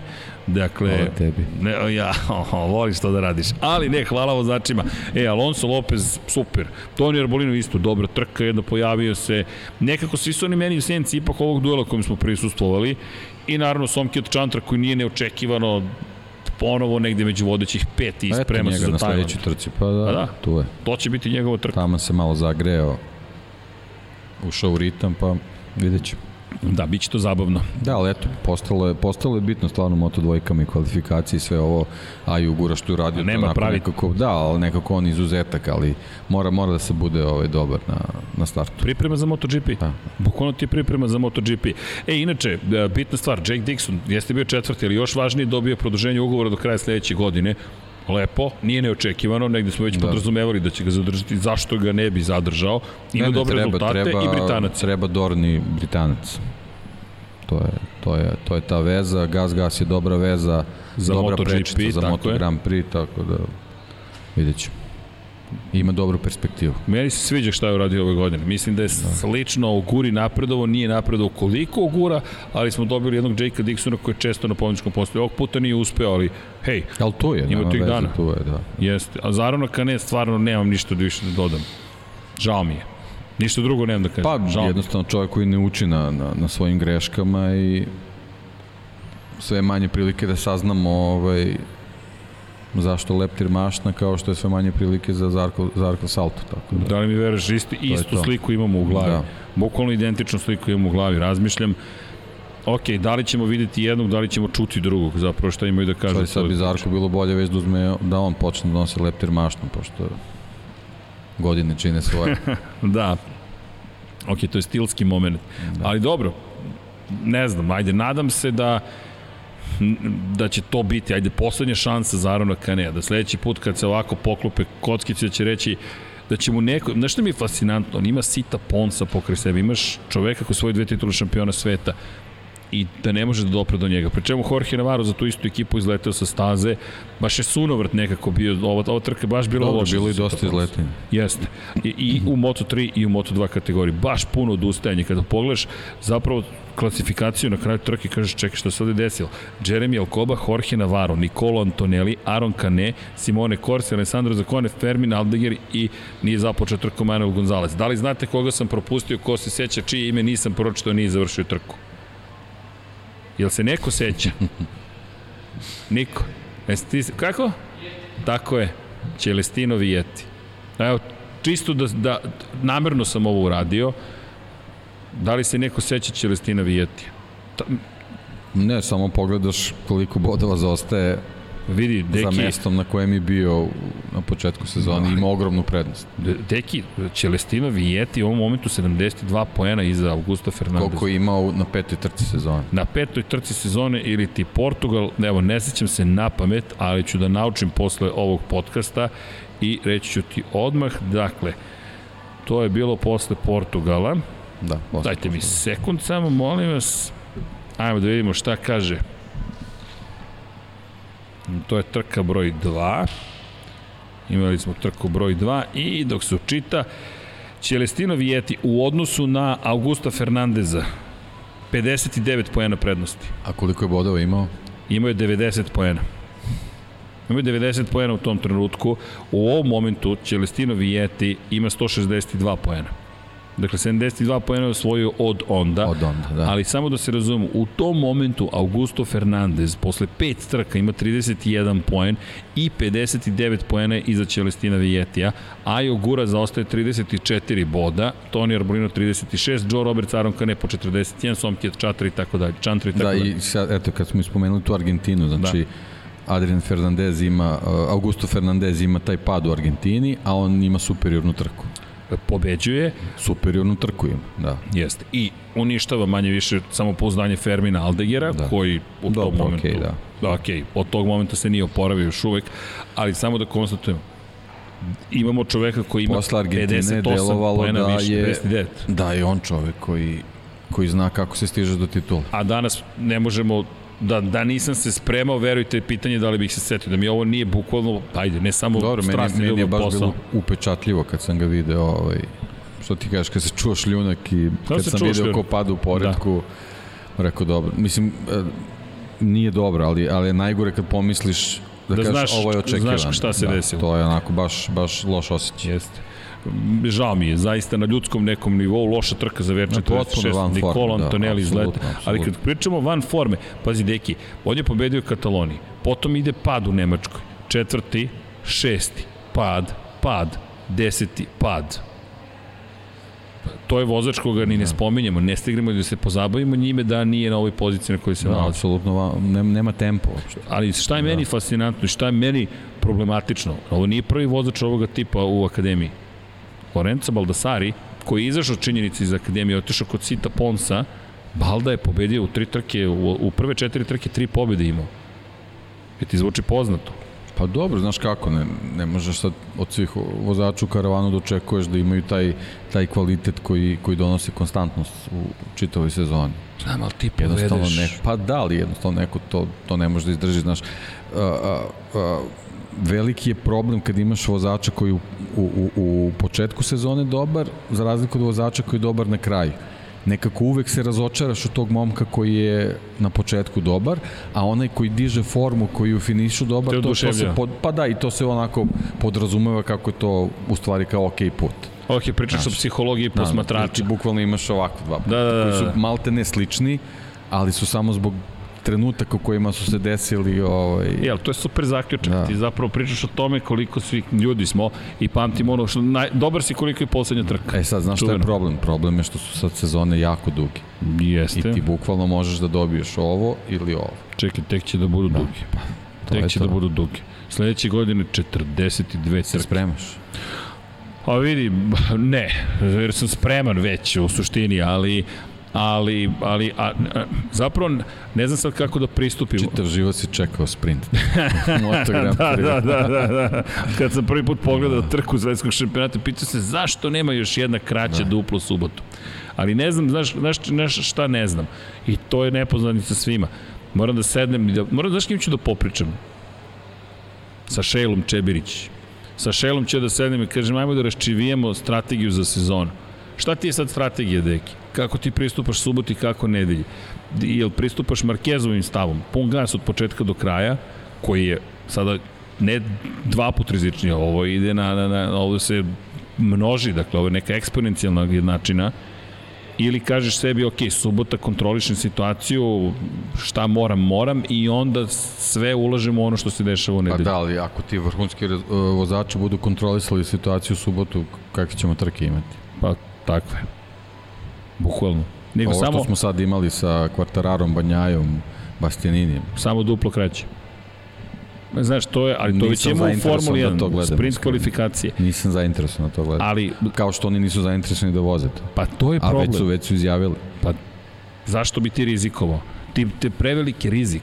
Pre čemu, ponovit ću milioniti put, ovde rizikuješ život, bukvalno. Nije da. kao sa Formulom 1, uz dužno poštovanje. se razmišljati kad budeš imao početak sezone i ti kreneš sa stavom zašto rizikovati, a onda tvoj rival krene da osvaja bodove u tim trkama. Zato što rizikuje. Da li, da li ti imaš izbora da, da, da ne rizikuješ dalje? Pa nemaš. Bodovno gledano ti nemaš više, nemaš situaciju u kojoj ti imaš dovoljno to prostora da ne problem rizikuješ. Kad, kad budeš terao ljude koji ne žele da rizikuju, a moraju da, da krenu to da radi. Ok, to je nešto za razmišljanje što kažu. Dakle, imamo o čemu da razmišljamo. Baš imamo o čemu da razmišljamo, ali apsolutno ti govorim pitanje, apsolutno nespreman. Biću spreman za sezonu, ali ne znam ni šta, zašto bih se spremao, šta. I isto će trajati prenosi. Ono što je problem, Jest. moje nerazumevanje toga, ne znam da li će vozači razumeti šta sad radimo uopšte. Pre čemu ponećete neka situacija? I šta onda? I pritom još jedno pitanje, hoćemo dobiti više motora na raspolaganje. Jer ako se poveća broj padova, poveća opterećenje, dok stižemo? Ne, ne treba da padovi, samo, samo radni sati tih radni agregata. Radni sati, lepo da. si rekao. Lepo si rekao. Samo da, da, da evo, odgovorim na jedno pitanje, posle ćemo da odgovorim na pitanje. Deki, apropo Moto dvojki, ja ne bih razvodnjavao priču, bukvalo. Meni je najveći utisak zaista ono što se desilo u borbi za titulu šampiona sveta. Predviđanja, apsolutno nemam nikakva, niti želim da ih imam, samo želim da se nastavi ovako između, bukvalno je Ogura i Augusta Fernandeza. Augusto već odlazi u gas gas, a i Ogura cenimo da će ga Honda zadržati ili da će ga dovesti za sledeću godinu. Opa, ugasio nam se MC, ali to je vero, očekujte da mrak polako nastane do kraja podcasta podcasta. To znači da trajamo do dva sata. Tempirao sam sve. Pa jesi tempirao, jesi sve yes. pripremio. E, ali ne možeš da tempiraš, imaš još kategoriju Moto3. Šta ćemo sa Moto trojkama, deki? Izan Gevara, na kraju dana nije da, je, da ga je neko suštinski ugrozio u celoj ovoj priči. Denis Vođa jeste bio drugi, a Jumu Sasaki jeste bio treći, i sve bi to bilo u redu da zapravo njegova prednost već nije gotovo nedostižna. Nizan Guevara je jedini od momaka koji, koji hitaju ka šampionskoj tituli i rade ono što trebaju da urade. Bukvalno. Od, on pobeđuje, od osvaja pol pozicije, tako je, tako brz je, ne, ne popušta, ne pravi greške. Da, nije u Britaniji imao peh, bio je sedmi u Austriji, potom treći pobjeda, pobjeda. I meni ovo deluje samo pa kao dobro, šampionski ne, ples. Mislim, nije Jednostavno... teško očekivati da neko mototrojkama pravi neke preduge nizove pobede. Ne, to okay, se ne dešava vidi. baš tako često i videli smo i, i u situaciji sa Pedrom Akostom. Nije baš lako da, da ti izdominiraš čitavu sezonu, posebno ako ovako duga, ali on jednostavno na svakoj trci radi ono što, što treba da uradi da, da sebi onako jednostavno ne, ne komplikuje život. Podsjeti me, ko beše da. poslednji izdominirao u Moto trojkama? Ne znam, ne mogu da se setim. Ko je, ne, kako beše, 10 pobjeda imao čovjek? Jedan slabiji vozač, da. čovjek koji ne zaslužuje titulu Moto Grand Prix, samo jednom pobedio. Joan Mir. Čovjek koji ima 10 pobjeda u svojoj šampionskoj sezoni. Ljudi, to je na nivou Marka Markeza i Valentina Rosija. Ne, još nije dosegao taj nivo Moto Grand Prix. E, nismo završili cijelu da priču sa da. Joanom Mirom e, za da. sledeću trku. Da, pobegao, tačno mi se kako složio si, Petrux. Kako? Jao, znaš, znaš, znaš, menju, naravno. Me, menjamo u plavo. De, čekaj, Petrux nam se vraća na stazu, ljudi. A znaš, gde, gde mi je pobeglo misao? Još sam razmišljao, taman imamo Petruxa i onda gde smo otišli, nije na KTM, nego mi se neka druga priča otvorila. Ne, nego baterije su se neke ispraznile. Jeste, ovde se ispraznila baterija. Danilo Petrući da. nam dolazi. Ej, ja se mnogo radujem da vidimo. Da... Znaš šta me zanima? Ajde da vidimo na ovom Suzuki šta možeš da uradiš kada KTM-u nije funkcionisalo, na Ducatiju tu i tamo, i sad Danilo, koji uvek Gledeći vozio... kao da sedi na skuteru. I, bukvalno, znači on je vozio veće tvorke i bio je previše krupan za veće tvorku, ali dobro, veće tvorka može da bude manja, jer veće tvorka zapravo može da spakuje da. uže. E, ali vidi, ne, vidi, uže su veće tvorke obično, ali iako su sad ove narasle, sam Marquez kaže, čoče, koliki motori. Još sad sa ovim sistemom kad spustiš do... ja ne, ne znam, ali ja nema da simpatično, interesantno. E, ali, znaš šta mi je super? Kod, ja mislim da da, je neko ozbiljan šeret u ekipi Suzuki, da ne kažem Livio Supo je rešio da napravi show kompletan. Dobro veče, da napravi kompletan show zapravo od Suzukija doveo je Cudu, doveće sada Danila Petrućija. Pa dobro, ono, dao je priliku Dominiku Egerteru. To je da super. Da slobodno uđite, ako hoćete, uđite slobodno. Dakle, izvinjam se, gospodin Sledeći put moram tamo da sedem sledeće godine kad budemo pravili izlaz. Hoćeš odmah? Ne mogu se. da, to Ne, nisam sam- shvatio, da zapravo ti ne vidiš publiku. Pa da, Nije u redu. nije u redu. Da, izvinjavam se, to je, da, to mi potpuno nije palo pamet, kao i dalje smo u studiju, još sam namjerno prebacio plavu stolicu tu, da sve bude, Ali nisam dobio sunđer. Nisi dobio su, sunđer, da, okej, da, da, Suzuki je s ove strane, vidiš da je Dani Pedrosa dobio sunđer, to je njegova zastava, e, ali čekaj, Petrući nam se vraća, ma to je dovoljan razlog da se, za, da jedva čekamo Tajland. Da, nadam se da je u formi, trebalo bi da jeste. Pa vozio je sezonu da, da, da. da, američkom superbajku, i lepo ga vidjeti, drago ime i Da prezime, vidimo drag njega u čovjek. tom drugom, drugom ovaj, segmentu staze. Pazi, To je baš bilo interesantno. Livio Supo, mene on oduševlja da, da je ovo dozvolio i jednostavno iskoristio Suzuki. Ka- Da li se očekivaće Danilo Petrući dobiti šansu na Suzuki? Nisam, ne, pa nikako. Nikad. Dominik Egerter, čovjek je doveo Dominika Egertera, pa je doveo Cudu, pa samo po, pokušava, ko zna. Mislim, jedno čekam da vidim Joana Mira na stazi svakako, ali dok da. traje, bar je zabavno što nam daju neki vozače koji niko nije očekivao. Zamisli Dani da nema sa KTM-om ugovor. Zamisli zove Jorge ali, Lorenza. ali, već, već dugo traje ta, ta, to zalečenje povrede Joana. Mira, sad, sad je već ono postalo, ovaj, bilo bi dobro da, da, da se vrati, da, da, da nekako ponovo prikupi formu zbog, zbog završetka sezone i, i, i početka testiranja sa Hondom. Dobro, deki, Petrući nam stiže kao glavna, neću reći priča, ali biće zabavna priča, glavna A priča sad na titula. Moto3. A sad na Moto3, a šta da kažemo za Moto3? Da. Ljudi, Izan Gevara je Moto3 pretvorio u, ne znam, Moto2 i Moto Grand Prix. Bekstvo na početku, ko može da prati tempo, ostale slomi, ko nije, da. Ko izdrža do polovine trke, popustiće Pa tada ne, i to ti to. bukvalno je poredak pokazao ko može da drži njegov tempo. I to je to. To je to. I to su i ljudi koji na neki način ovaj imaju neke ovaj teoretske šanse, ovi ostali Sergio Garcia, šta, šta da kažem. Pa ništa. Čovek polako nestaje iz te bitke. Masija, ono, sezona standardna, ovo, slika, slika njegove sezone. Slika karijere, deki. Da. To sada dobro, postaje da, slika ovo je karijere. baš ove sezone, baš je ovaj, Taman kada je sve krenulo dobro i kada je smanjio razliku, opet izbačen s motocikla, ponovo si u kadru, tu si s njima i, i ozbiljan pad stvarno je. Ovaj, m, bio je baš, baš Da, ružan sad, pad. sad jako brzo stiže sledeća trka, da li ćeš moći da se, da se pripremiš za nju, ba, baš onako težak period karijere. I ono što je meni pitanje, pošto vođa je rekao da odlazi u Moto dvojke, da. Izan Gevara To sam odlazi sad u teo da Moto2. kažem, mnogi odlaze dalje, ti si dalje tu. Znaš, ti si A potpisao bio si ugovor sa... zvezda, on je jedan od redkih vozača koji je u Moto trojkama Jeste. izgradio sebi status zvezde. I htjele su ga mnoge da. ekipe. I Leopard ga još uvek želi. Moramo da pitamo Kotura, kakav je sada plan? Da. Jer on se vraća u ekipu s Možda, kojom ima uspeh. da, mo, kojom možda bi uspeh. to bio dobar lek za njega. Da. Ja mislim da mu treba da. ta vrsta okruženja. Dakle, da imaš ekipu koja je poput, poput Leopard Racing, jer Kotor gradi tu pozitivnu energiju. Da. Dobro, dobro, tamo se osjećaš kao kod Da. I cela priča, svi pokušavaju da se vozač fokusira samo na vožnju. pa, Mislim, svedok si.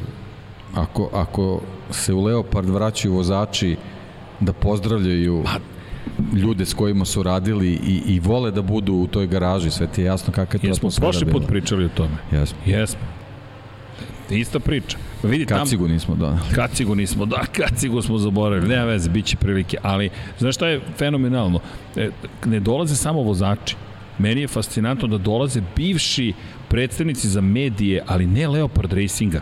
Dakle, tamo može da sretneš ljudi koji su radili u Tech 3 Yamahi, koji nemaju nikakve veze. Ja kažem Kotoro, ja kažem Mio, video sam, nije ni bitno devojka kako se zove, on kaže, a i ona je tu, dobro. Ne, ne, njemu ništa to ne smeta, nego samo, ni on više ne zna ko dolazi kod njih, što na ručak, što na večeru, što na kafu. Oni su ljudi, baš su širokog srca. Dođi, svrati Prosecco. se. Prosecco, da, crno vino. Dobro. Crno vino. Dakle, Tatsuki Suzuki ima ozbiljne preporuke za crno vino. Ko voli crno vino? Ne pije, ali dođe i kaže, e, ljudi, probajte ovo vino. I Stručnjak. stručnjak, bukvalno, ja sam rekao, ok, tacu, hvala, ali, ali zabavno, znaš, i ta situacija, ti sediš sa vozačem i dođe vozač, i probajte ovo crno vino, e, hvala. E, ok, ali to je Miodrag Kotor, on uvek gradi tu vrstu atmosfere, gde se ti osjećaš dobro u svojoj koži. Eto, to, to možda i treba Masiji. Ja se nadam da mu Siguran sam da nije zaboravio da vozi. Pa ne, oni ne, verujem, zaboravljaju da voze. To Kad se Šaragona stanje. njegovog sa Leopardom, psihološko stanje. Da. Ali Diogo Morira, David Munoz, pogotovo David Munoz, oni su već stigli. David Munoz prvi put ovde u Motegiju. On David je pa Munoz je kompletni, Diogo Jeste. Morira nekako ovaj, uh, koristi uh, jako dobar i brz motocikl koji ima ove sezone. To mi je baš taj, tajna te ekipe, kako su uspeli taj motocikl Empty tako da spakuju, da. Ovaj, I to se vidi, uh, jako, jako dobro koristi taj potencijal, ali, ali nije, nije u mogućnosti da to na svakoj stazi a, što sprovede u delo tokom čitave trke, Još. što na nekim stazama koje ovaj, nekad, nekad naravno ne odgovaraju toj konfiguraciji. Ali vidi, u celoj toj priči Bo Motorsports ima, sad to nije, nije pretredno pohvalno, Ana Karasko zaista se nije proslavila ove sezone. Dakle, ona je u istoj ekipi Pa kao dobro, David da, Munoz. I, okej. I baš je te, ne, ništa ružno ne mislim, niti, niti impliciram bilo što zato što je devojka ili Meni bilo je šta. mnogo drago što je ona je generalno u toj priči, da, ali Tako je. jako je teško. Ali držati dobro, tempo, imat ćemo da. sve žensku ekipu Da. sledeće godine, tako da meni to super. I to je super. Da, inače, juče je bila jedna dama i kaže, sigurno, šta, šta, koji je komentar bio, sigurno nam ne verujete da znamo trkanje. Devojke, ja ne znam da li smo ikada takvu poruku preneli, nas dvojica. Nama je Šta, koja poruka? Po, ne, por, po, e, e, devojka je rekla sigurno mislite da mi ne znamo zato što smo devojke. E, e, Evo ja se izvinjam ako smo ikada išta slično preneli kao poruku. Ljudi, Dekija, Paja, Džankija, potpuno svejedno kog ste, ne pola, mi smo, ne, Prvo... Se sećaš Katje Penzgin? kako se neće kad je Penzgen, ali ima nešto drugo. Ja sam sa Hoću da uživanjem kažem, pravio rubrike. devojke, ne da ste, mi, nama to ne da ne prolazi kroz glavu, potpuno me zbunilo. Nije mi palo na pamet zato što je neko devojka ili momak ili šta god, nemam pojma, boja kože ili šta god, vero ispod, to pod, nacionalnost nas ne interesuje, a možda smo i u ego tripu što se tiče automoto sporta, mi smo ubeđeni da svi znaju zapravo o MotoGP i Formula 1, naš više zbuni kad neko ne zna. Tako da, devojke, molim vas, mi ovde podrazumemo da znate, inače, Pričali smo juče, ono što je meni neverovatno, ne gledamo često statistiku, ali poslednji put kad smo pogledali, bu- bukvalno verujte, ne gledamo je često, evo Deki zna, dakle, 30% devojaka je zapravo među ljudima koji gledaju emisije iz Infinity Lighthouse-a. I ovde ima mnogo devojaka. Devojke, molim vas, nemojte niko da vam kaže da vi nešto ne znate da što ste devojke. Mi svakako to nikad nismo pomislili. Naprotiv, pozivamo sve, momke, devojke, klince, klinke, odrasle, stare, mlade, kako god, samo pratite MotoGP i Formula 1, ovde smo da širimo ljubav po, o, prema tom sportu, ali generalno valjda, pa i poruka, mazite se, pazite se, nije da je nešto sad muževna u smislu, sad namećemo neki taj stav, naprotiv, dakle, mi se trudimo da budemo nežni, ali čisto da znate, samo napred, uživajte. Tako da meni, Više mi je žao što ima priliku u jednoj ozbiljnoj ekipi, ali nažalost ne uspeo to da iskoristi. Prosto voleo bih, vrlo sebično bih voleo, jer znamo koliko Ana bila brza u Supersportu 300. Više mi pokazali, više mi pokazali koliko zapravo je ovaj šampionat i dalje pravo Grand Prix trkanje. Neću da ulazim u sprint trke, ali to je Grand Prix trkanje. Kada mislite da ste super, da ste najjači, Fermin Aldegar, on je čovjek dobio što kažu rude awakening, ovo je surovo buđenje, ali ja sam šampion Evrope koji je izdominirao tim šampionatom. Okej, Ajde sad dođi u svetsko prvenstvo. Dođeš i jedan Koliko si šokantni puta moment. Bena Spisa spomenuo? Ben Spies, ko čovjek koji je došao kao vrhunski vozač i šampion On otprilike- Superbajka. Aha, Superbike, ok, idem prvo Moto3, pa ću onda u Moto2. Ne, ne, ali bukvalno, ne, ali Spies, ko- a Spies je pritom uskočio u teh 3 Yamahu i onda dobio Rosijevu Yamahu i kao, samo mi je to trebalo da uspem. Jesi siguran? To je isto tako lako deluje. Znate zašto lako deluje ubeđenje da, ne znam, Rossi uvek imao najbolji motocikl, da je Jorge Lorenzo imao najbolji motocikl, Mark Marquez da ima najbolji motocikl. Zato što to uvek kažu za svakog šampiona. Imao je najbolje nešto zato je šampion. Ne, samo kod njih to izgleda lako, da pomislite, ej, mogu ja ovo, sad ću da sednem i da vozim brzo. E, teška priča, ne, ne funkcioniš u stvari tako. I Ben Spies koji na kraju imao jednu pobedu, čuvenu, jedini vozač pored četiri originalna vanzemaljca koji je pobedio po suvom u toj eri. Od 2008. ako se dobro sećam, ili čak 2007. Casey Stoner, Valentino Rossi, Dani Pedrosa, Jorge Lorenzo, to su jedina četiri vozača koji su u toj eri pobeđivala po suvom. Jedini kojim se pridružio je Ben Spies 2011. godine kada je pobedio u Asenu, kada je Marko Simoncelli izbacio sa staze Jorge Lorenza.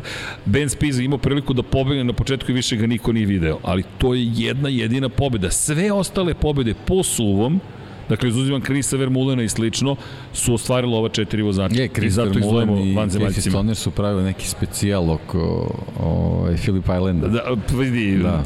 ja mislim da će se da sad rasprodati da, ulaznici da, da. za ostrovo Filip, da će Philip Island da bude najzad rasprodat, ali tamo nema mnogo gledalaca, da. mnogo, 50.000 i, i iz te perspektive pričamo o nečemu što zaista da čekam, ali ok, Tajland dolazi pre toga. Prvo Nego, Thailand, da. kada pričamo o Moto trojkama, gledajte, zaista pažljivo pratite šta radi David Munjuz.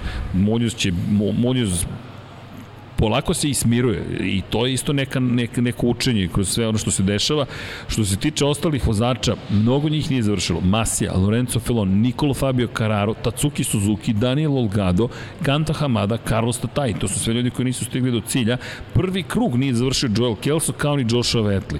Mnogo deki odustajanja. Baš je bilo da. teško u Motegi. Bilo je high side, ali, ali je Jest. mnogo više bilo gubljenja prednjeg kraja i Denis Ondžu održava da. tempo da. osvajanja poena, da, on, samo što je bio 15. Uh, uh, odskače iz te čitave priče Jest. vozaču tim, u, u tom poredku ovaj, koji pokazuje stvari ko, ko može da, evo, polako se gase svetla. Polako se gase, a to ovaj, se sve isplanirao dobro. Jesam te lepo pitao na početku. Jesi, pitao si me o, koji, koji pokazuju stvari gde ko treba da bude u šampionatu, samo mi on iskače iz te slike, ipak je trebao da bude dosta bolje u ovoj trci. Prvo, jedno, da. jedan pojem, 15. Ali pozicija. Ali dobro, mislim, dešava, e. dešavaju e. se loši dani i De, Denis Ondžu. E, čak i Denis da. Ondžu. E, vidi, nama je nesto kombi da. juče sa stolom, tako da, da. E, svi imamo te čudne dane. Ove, ne zamerite za malo pomeranja termina, pokušali, pokušali smo da budemo što pristojniji prema ljudima ovde, Deki to i dalje pokušava, ali pošto smo dobili podršku, nisam nepristojen, samo smo dobili podršku, a još uvijek ima gostiju u, u centru, tako da smo okej okay. i tako. Jel, jel, jel vama i dalje zabavno? Dakle, to je jedino što je bitno ok, dobijamo ovde palčeve neke i tako dalje. I imaćemo i pitanja za vas. Nažalost, nije nam Andrej Isaković tu večeras da deli, da deli poklone, da nam raz. Mi nismo stvarno znali da će čovjek da deli poklone. E, to, je, to je bilo iznenađenje. Tako i treba da bude. Da, ne, tako i treba. Ta, osim, može, dobro, tako i treba da bude. Elem, Deki, smo nešto propustili. Jel imamo neki, neki Fantasy. video za, Samo da ti kažem. za Moto Grand Prix, Fantasy. ne, za, za Video za stazu, za, stazu, za Tajland. Imamo, da, Jao, imamo, da. Vanja strpljivo čeka. Da, da, da. E, udri Vanja, ajmo to ne, to ne smemo da zaboravimo. Dakle, imamo priliku da vidimo ponovo kao i uvek kada je reč o Brembu, najsnažniju tačku kočenja u Buriramu na Tajlandu. 12 krivina, dakle relativno kratka staza da, iz te perspektive. Prilično, da. Jeste. Ali opet vrlo zahtevna za kočeni sistem, skoro 30% kruga, 28 provodite na kočnicama, skoro kilometar i 200 ste na kočenju. Najsnažnija tačka kočenja ulazak u krivinu broj 3 konkretno, preko 300 km na čas, oko 323, kažu li oko 325. Očekujte, inače opterećenje na kočnicu prednju 5,4 kPa, 11,6 bara, a brzina koju dosežu na dolasku u krivinu jeste 77 km na čas, zaostavni put je 272 metra i kao u Aragonu 1,5 sila negativnog ubrzanja zemljene teže, isto je bilo i u Motegiju i to je nekoliko uzastopnih staza na kojima je žestoko kočenje. Na sledećoj trci, na, kada dođemo u Australiju, Honda krivina, četvrta krivina biće najsnažnija tačka kočenja, ali ništa slično ovome nećemo imati kada je reč o broju kočenih zona i dužini zapravo kočenja tokom kruga. Kod, na ostrovu Filip gore zadnje gume to je ono što spaljujete na, na ostrovu Filip kroz sve duge krivine tamo gori zadnji pneumatik prednji uglavnom uživa, nema, nema mnogo opterećenja zapravo sa prednjim je problem što se toliko ohladi da kada dođu te kočene zone znajte kako da se sklopi prednji kraj i tu nastane problem. Ali na Tajlandu dosta ravna staza, samim tim Maverick Vinales biće shodno tvojoj teoriji koja sve češće dobija potvrdu, moram ti reći da statistički uzorak tako raste, pa ćemo vidjeti šta nam je to spremio.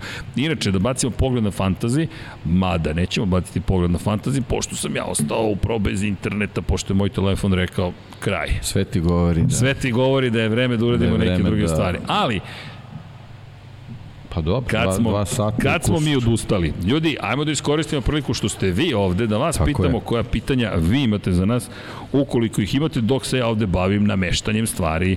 Nema laži, Ako nema ne, prevere, rana se družimo još malo, pa da. Da, to, to svakako. Dakle, ima neko neko pitanje, ali morate da podignete ruku, pošto, aha, u Nemo pozadini...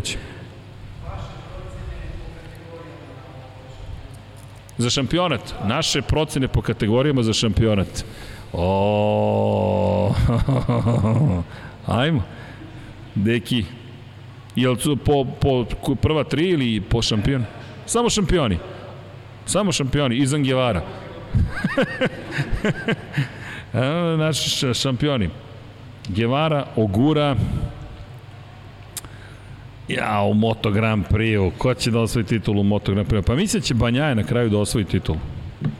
Zaista mislim da će uspeti da sklopi, da zapravo pad u Japanu nije mi delovo kao onaj moment kada, kada je indisponiran i kada je besan na sebe, nego mi deluje kao moment ok, ovo baš nije bila najbolja ideja. Eto, moja dobro, procena. Dobro, ja ću onda suprotno. Quartararo, Ferna, ovaj, Fernandez, Fernandez i, i... Šta ti je suprotno za Gevaru? I, i Guevara. Ne, ne, Guevara, Guevara. Dobro, Guevara, eto, čuli Posledno posle ove, ove satrke.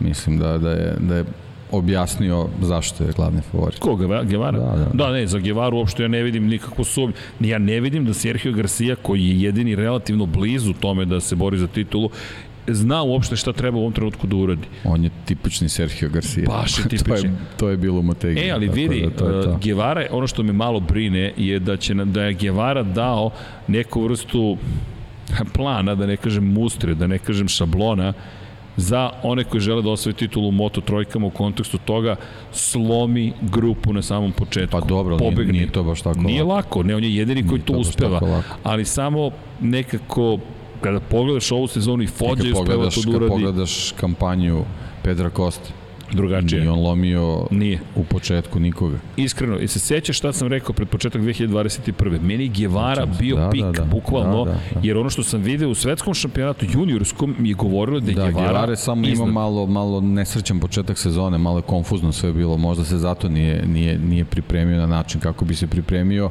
i tu je možda moglo da bude interesantno da vidimo kako će njegov stil puta ka tituli da, da se ukrsti sa, sa Kostinim stilom. Da, to, to, ali, ostali smo ostali smo uskraćeni za to. Mi nismo, do, nismo to, dobili da, tu da, borbu. Mi još uvek nemamo tu borbu zapravo. Da. Mi, mi tek čekamo da u Moto dvojke uđe Gevara, koji već kasni jednu sezonu i ti sad imaš situaciju u kojoj... Ali, ali njegov stil ovaj, to jest način dolaska do titule je uh, mnogo teži put uh, kad dođeš u novi šampionat gde moraš se prilagođavaš. Za Kostu govoriš? Ne, ne, ne za, za, za Gevaru. A Aha. Kostin stil je, je onako... Agresivniji, brži. O, o, nekako mnogo brže možeš svoj kvalitet da, da iskoristiš na način kako to radi Akosta. Da, ali znaš šta je stvar? Ako, samo ako, Gevara može da pročita dovoljno brzo motocikl, pa sa ovim načinom to je to je teško. Da, Jer ti sad... moraš bukvalno druga, treća trka sezone ti moraš da budeš kao, kao jedan sa, sa motociklom, pogledaj koliko je Kosti trebalo vremena da se, da se privikne na dvojke. Nije to baš tako lako. Koliki god da si talent. Dobro, pazi, ja mislim da tu i dalje nemamo odgovor na pitanje šta zapravo Guevara može. Kao što si rekao, bilo je konfuzno, ali želim da ga vidimo u Moto dvojkama jer sad ima iskustvo kako da izbegne potencijalnu da, ima, konfuziju. ima hendikep kašnjenja jedna sezona. To je ogroman hendikep. Zbog načina kako vozi. Pazi, to je ogroman da. hendikep. Pa dobro, mladi su, polako. Da, inače u ne fantaziju, može preko noći. samo da iskoristim priliku, ne može preko noći, definitivno. Ali kažem ti, ja hoću da vidim Givaru, nešto meni govori da je Givara shvatio kako GP, kako Grand Prix trkanje funkcioniš. To, je, to mi je utisak. Inače, Bestianini 23 je vodeći trenutno u fantaziju, 1732 pojena, ispred Moto Voždovca, Karl Marksa, Kuku Majko Racinga, Frenkie GP-a, Diego Racing tima, Da, inače, da ne zaboravimo i Gabriel Rodrigo se, Diego Maradona mi u glavi kad se spomenu Diego, Gabriel Rodrigo se penzionisao i neće više se takmičiti, šteta, ali Pa dobro. Povrede su učinile da, svoje. Povrede su i lepo je kad, kad neko je svestan. Je svestan upravo to. Ja mislim Opasno, da je zreo potez. To baš, da, da. Kad, kad se dese takve stvari, jednostavno moraš da razmišljaš o tom. A ima vozača kao naš Kule Perišić koji sa 60 godina vozi. Evo, sad će za vikend da vozi da, trku. Da, i uprko sa svim trku, povredama i kako svema je najavio što se svoju poslednju trku u Francuskoj. Circuit de Carol, čini mi se se zove staza. Čovjek je u, u, u 60. godini i dalje vozi trke. Tako da Pozdrav. različiti pogledi su na to, da. E, kada govorimo o, o, o, o fantaziju, samo to da ne zaboravim, da, da, da ne izgubim tu misao. El Diablo 20 FQ je sedmi, T-Music osmi, Zigili Migili je deveti i Suvi Potok se nalazi na poziciji broj 10 na vodećih osam pozicija predstavnici Srbije, Švedska je na devetom mestu i Hrvatska na desetoj poziciji. Dakle, bitka još uvek traje, ima tu nekih koji nisu iskoristili. El Diablo ima dva neiskorišćena boosta, tako da znaš, Moto ali Karl Marx 1, ali ne, to ne pomažu. ništa ovaj, ne pomaže. Sovi Potok 1, Diego Racing Team 1 i ostali Ostali su ne znam kom je iskoristili. ekipa uopšte. Ne znaš ko ti ekipa, ja ću ti reći, kod moja ekipa Enea Bastianini, Mark Marquez, Ducati, Luka Marini, Fabio Quartararo. Ali sam Fabio stavio na srebro, zato što nisam očekivao, Luka Marini, e, Marquez i Bastianini tu sam očekivao i nisam loše prošao, ali kad na ostrovu Filip kliknem boost sa ovom ekipom, deki, sa 345. pozicije dolazim na 343. Tako da... Sam ja 712. Lagano pobeđujem. Ti, tebe sam već pobedio. Samo se koleginici iz Ja prodaje. sam sebe već pobedio. Čekaj da te ne nađem. Prvoj trci. Žaka Repagua. Racing, čekaj, 606 si, Pa čisto rekao, da znaš. Dobro, rekao sam 717. A slušajte ekipu. Enea Bastianini, Maverick Vinales, Ducati, Luka Marini, Franco Morbidelli. Dobro, ne Morbidelli, ja sam morao u tom trenutku nisam više para. Ok, Tako da to ali je to. volim Frenki, Da. ali... Ne da, diram ali, ništa, da, ništa ne diram ali, sad. Ok. Kao što nisam ni dirao Čekaj da sad. vidimo gde nam je koleginica iz prodaje. Search for a friend, molim vas. Koleginica iz prodaje, gde je? Sirm. Ja! čekaj, čekaj. O, o, samo da ponovim par stvari. Dakle, kolega Erceg je 345. Koleginica iz prodaje 358. O, ne, ne vidim koleginicu iz prodaje, ali tako je koleginice, ali trenutno zaostajete čitavih 13 mesta. Sam ti rekao, deki, Mark Marquez je taj potez, niste me slušali, ne znam ko s kim priča koleginici iz prodaje, ali pozdrav kako god da je tamo. Čini mi se da je brat Ivana Toškova, ali nemam pojma. U svakom slučaju, igrajte fantazi, mi nismo preterano dobri u ovome, prosječan broj poena mi je 87,8, Samo smo 108,3 za Bestijaninija. To je problem. A dobro, mi se Pa, malo igramo, pa nije, dobro, nije pa ni pojnta sad? da, da mi kao pobedimo, sad smo pokazali. Mada moram ti se pohvalim u 99 yardi, čim se sad pohvalim krenuće sunovrat, ali u ovom momentu sam izjednačen sa Vanjom. To je neko aplaudirao? Ili se meni činilo? Ponadao sam se. Ponadao sam se. Ta, a tamo aplaudiraju. Ne, nešto se čuje. A vi, aplaudirate? Ne, ne. E. Evo, možemo ovako, evo aplauz. Je! Evo ti, pošto, pošto nisi verovao da postoje takvi ljudi. Evo ti pogledaj. Ajmo ljudi, evo Damjan nam aplaudiraju odande. Pravimo buku. E, nisam verovao. E, dakle, Jack Miller, opa! Čovek je imao, čekaj, u, čekaj. Piše ti gore ko je to? E, Piše mi ko je, ali koje ti je ime? Ja, ljudi, pa ovo je naš e, Srđan Veliki. E, Dakle, imamo Srkija našeg koji je Srki Veliki, koji, da vidim, gde, mi- se, drug, je li mu to naziv? Ne, a koji mu naziv tima? To je ono što ne znam. Pogledaj ekipu. Ma po, ekipa mu je Jack Miller, ne šalim se, zlatni vozač, Jorge Martin, drugi zlatni vozač, Ducati kao ekipa i onda idu Joan Zarko i Neja Bastianini. Baš se pitan za koga navija. ok, drug Srđan Petković je, vidi, ovo je fenomenalno. Samo nek kaže koji je, koji je kiper s, ovom, s ovim rezultatima, cenim da je napredovao prilično lepo. Ali dobro, je li ima neko još neko Ej, pitanje? prazna je baterija, Srki, na 6% je Na ovaj. 6%. Mi, Vidim na, na, Meni je na 10% baterije, tako Na da polako screenu, sigurno ovo, odustaje. da- Ali, ali... ovo je davno posla, već mu se ugasio Čekaj telefon. da pitamo, a, da li neko ima neko pitanje? Evo pitanje ovde, podignuta ruka. Da li nekoga vidimo kao višestrukog šampiona? Pa Fabija Kvartarara. Osim njega, Deki, ili vidiš Johana Mira kao višestrukog šampiona? Ili koga vidiš kao višestrukog? Pošto nemamo mnogo opcija, imamo Mira, imamo Kvartarara i Marquez je Jel te? Pa već, da. Da, ima već osam Pa titula. dobro vidim, da. Koga Sam, vidiš? Pa Mira samim tim, ako ima već jednu, zašto ne bi imao još jednu? Zna Da. kako se to radi. Ja mislim da ovo pitanje ima veze s Markezom, to je da li će Markez tu da se, da, da, da se pita ili da li će da dozvoli ukoliko se pita. Ajmo ovako, ukoliko bude blizu svog nivoa od pre tri godine pitaće se, samim tim biće im mnogo teško, a on želi devetu titulu, želi desetu titulu, 11. 12. 13. 14. 15. Prva titula jeste broj 9 i koliko god on želeo da prizna ili ne, ili da se ne bavi time, činjenica da između njega i Rosija ne postoji mir u kontekstu toga da su oni dalje na suprotnim stranama. Nisu neprijatelji, prijatelji svakako nisu, ali čovek nije došao da isprati Valentino da. Rossi, ja, došao da, da isprati Andrea Dovizioza. Baš na sledećoj stazi je ovaj, jednu titulu obezbedio. Tako je. Na Tajlandu je obezbedio tako, osmu titulu. To je poslednja proslava da, da. čuvena s bilijarom, 8 ball ubacuju, ali je se sećate, e, ja mislim da je to da je već tada neke stvari su uslovno rečeno mogle da se ne naslute kao ovakve koje su se desile. Tad smo pričali kako i za Rosije su govorili, ok, sada broji titule, samo ih niže i to je to. I, I sećam se tih reči kada smo izgovorili ljudi ne funkcionišu stvari tako. Zašto? Ako se sećate ko je, šta su radili Alex Marquez i Mark Marquez po završetku trke? Se neko seća? Nameštali su dislocirano rame Marka Markeza. Zašto? Zato što mu je Scott Redding toliko snažno čestitao osvajanje titule da mu je bukvalno iščupao, bukvalno mu je dislocirao rame koje je već bilo povređeno. Šta radi brat? Poleže svog brata nazad na asfalt i odmah mu vraća nazad rame. U čemu je stvar? kupite knjigu ne zato što je mi štampamo, već zato što tu i možete da nađete slične situacije iz 2013. Inače, kod povrede ramena, to je vrsta dislokacije ramena, mnogo je važno što pre da vratite rame na mesto. Ukoliko to ne uradite na vreme, možete da imate ozbiljne, još veće probleme nego što imao Marquez. Da, a ideja da je njegov brat uvežbao vraćanje ruke dislocirane vam dovoljno govori koliko puta se to desilo i koliko su oni bili spremni za tu situaciju. Samo koliko on trpi telesno i sad se tu postaje za njega do kada će moći da trpi.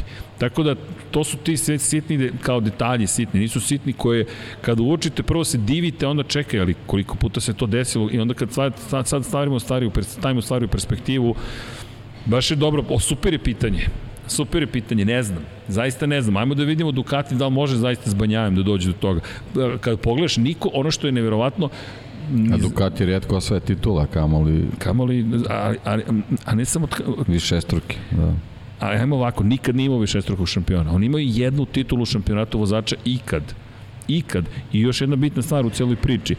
Niko nije kompletan kao što je bio taj period vanzemaljaca. Ljudi, kada pogledate taj period, Rossi, Lorenzo, Stoner, Pedrosa, Oni su... Pedrosa nije dobio priliku da osvoji titul. Pedrosa, Pedrosa sa 31 pobedom, ljudi, on nije mogao da dođe do izražaja. Mi govorimo o periodu kada se ne pita da ko će da pobedi u kontekstu neko iznenađenja. Ma nema iznenađenja. Niko nije, ma kakav ljudi, oni, oni su bili surovi, to, to su četiri surova vozača Ne, ne možeš da priđeš na pobedničko postolje, skloni se, ako osvojiš pehar ti budi srećan bukvalno. Nije samo do njih bilo i, i oni su jedini imali fabričke motore u tom trenutku. Postojala velika, velika razlika između onoga što dobijate kao vozač satelitske ekipe. Tako da su se tu i vremena promenila i još jedna stvar, Marquez dalje je povređen na ovaj ili onaj način. Quartararo i Yamaha nisu kompletni, pazi, samo tri pobede.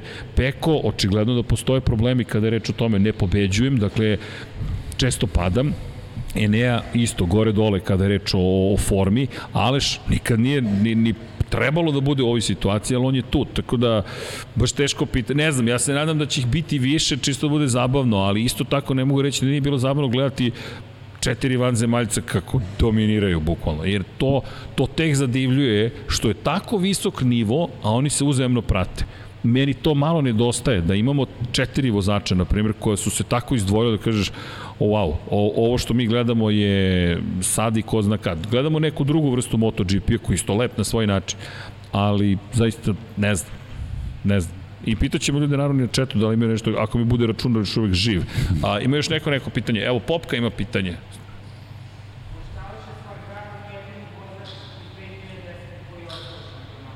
Dobro. E, Aleš Espargaro je jedini vozač koji je ostao iz 2010. godine u šampionatu. Karl Kračlow je debitovao 2000, čekajte da se setim, 2013. je bio na Ducatiju. 11. je bio. Ja mislim da je Kračlow došao 11. Da. u šampionat, ali to pričam sad na pamet. Ali ok, od vozača koji imaju stalni angažman, on, Aleš bi trebalo da bude jedini. S tim što je Aleš išao u Moto dvojke posle toga, pa se vratio u Moto Grand Prix. Čudna karijera.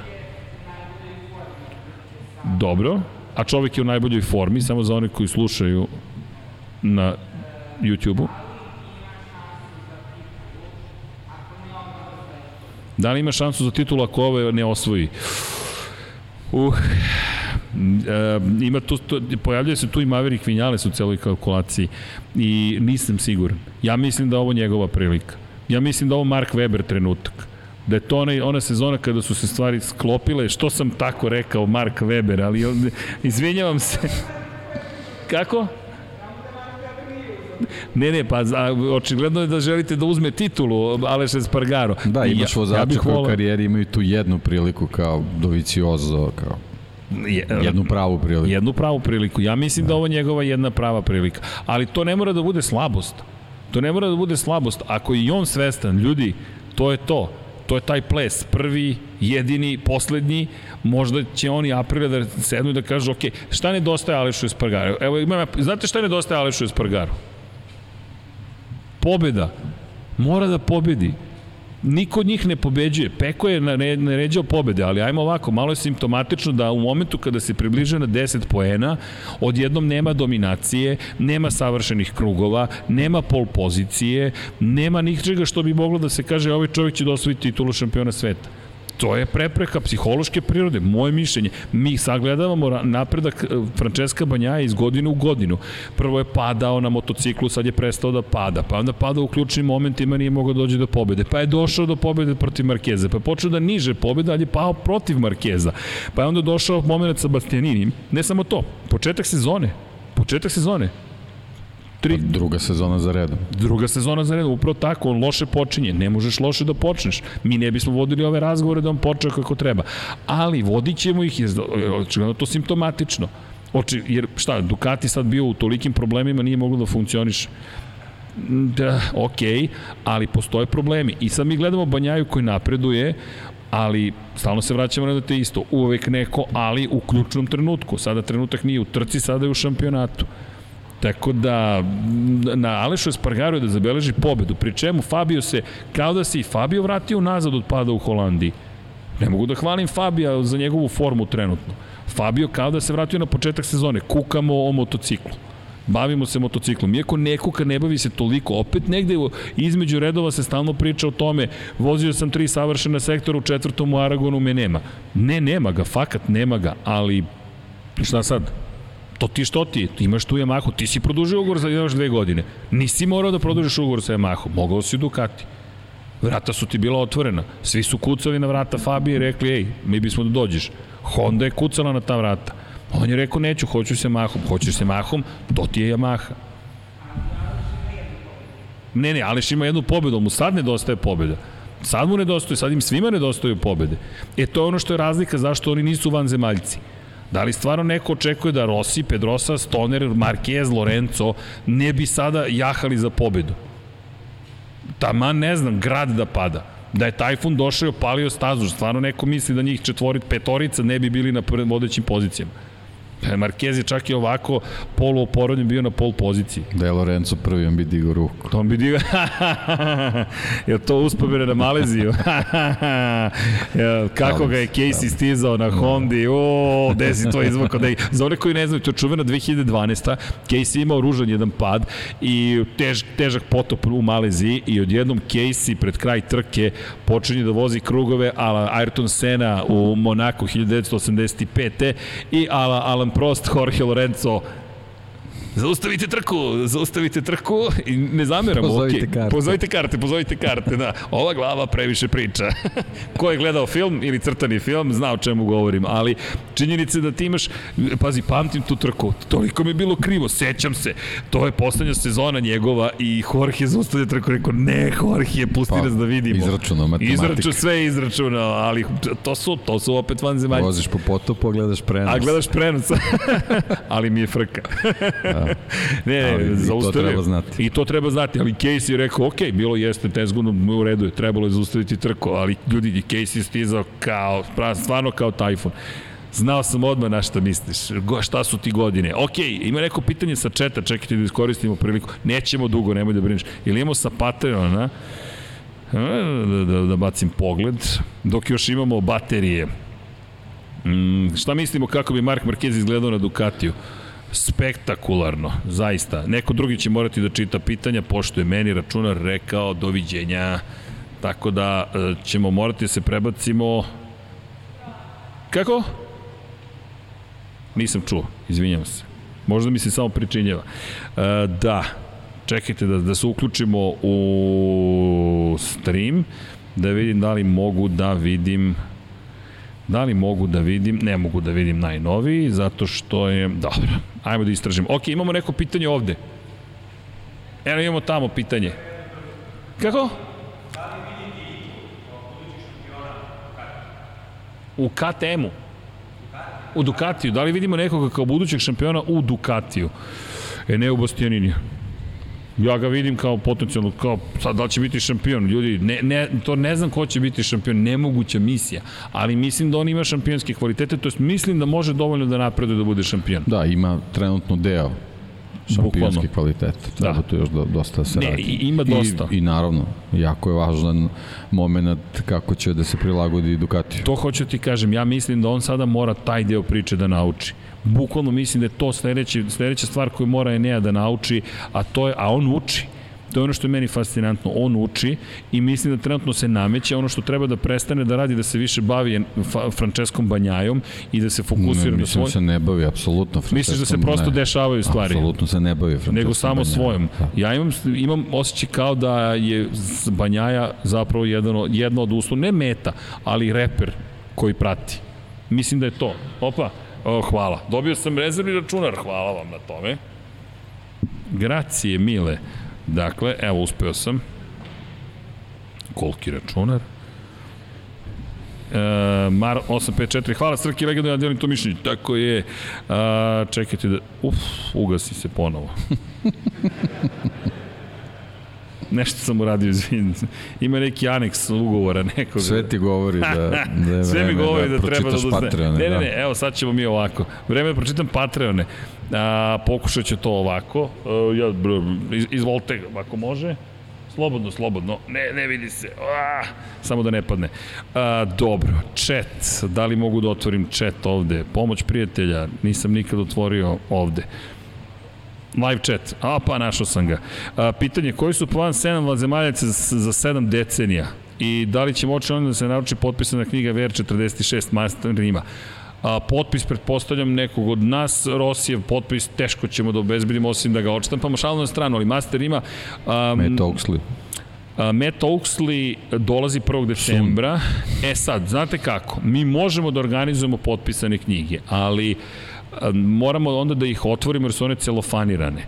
Dakle, možemo to da organizujemo tako, ali morate da znate da te knjige su, dakle, van celofana. Mi ćemo ih vratiti u neku vrstu zaštite. Pa dobro, to nije loša ideja na taj način. Stavimo ga... Vidjet ćemo sa koleginicom iz prodaje, da vam ne obećam sada 100%, koja me gleda ovde sa leve strane, ako čujete zašto se smeje, verovatno je fazonu, ok, opet si nešto obećao. Evo, prvi put nisam obećao, ali Master ima, potrudit ćemo se da to obezbedimo. Uh, Srđane ne zaboravi kako je Mir uzeo titulu. Ne, ne, Mir je uzeo titulu s jednom pobedom, ali Mir je pobedio na kraju sezone, upravo kad mu je trebalo da pobedi. To ja govorim o Alešu Espargaru. Ne da ne možete s jednom, pa možete ko Emilio Zamora bez pobede, ne govorim o matematici. Ja govorim o psihologiji. I drugo, govorim i o matematici u kontekstu toga da Aleš Espargaru nije u poziciji Joana Mira koji je već vodio u šampionatu. On je taj koji mora da nadoknadi 25 poena za četiri trke. Da li je nemoguće? Nije moguće apsolutno. Ali, pobeda menja stvari. Zato mislim da je mnogo važna pobeda. Gde će Aprilija biti super? Ostrovo Filip. Ljudi, to je staza poput Argentine.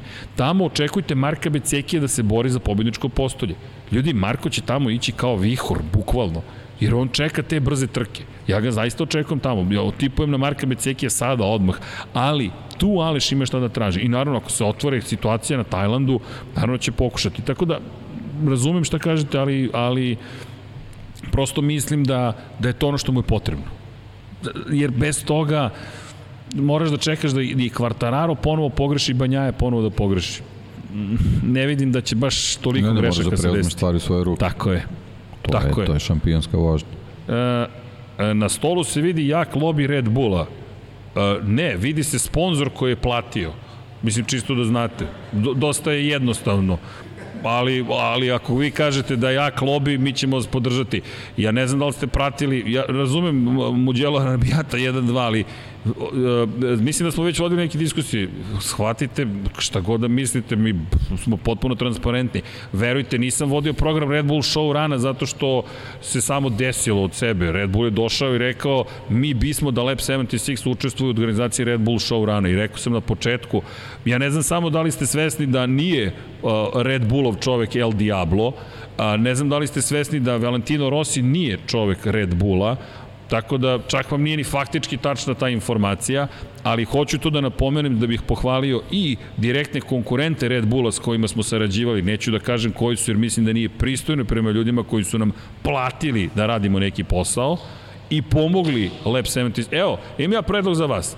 Ako uradite isto što i Red Bull, postanite naš Patreon danas ili kliknite dugme Join i podržite nas na taj način. Zato što ova ekipa ovde je solo ekipa, bez vas nas mi ne postojimo, ni vaše gledanosti, ni lajkova, ni subscribe-ova, ni para, YouTube nam plati zato što nas ljudi gledaju, Red Bull dođe i kaže mi mislimo da ste vi cool ekipa koja zna svoj posao, ajde da radite Red, Red Bull Show Run, verujte, nisu nas pozvali zato što smo lepi i zgodni, možda Dekija, mene svako nisu, ja sam sve veći i veći, nisam baš brand reprezentativ koga Red Bull želi, ali imamo neka znanja, veštine, kako god i Red Bull je rekao, hajmo ljudi da radimo, radimo, ajmo.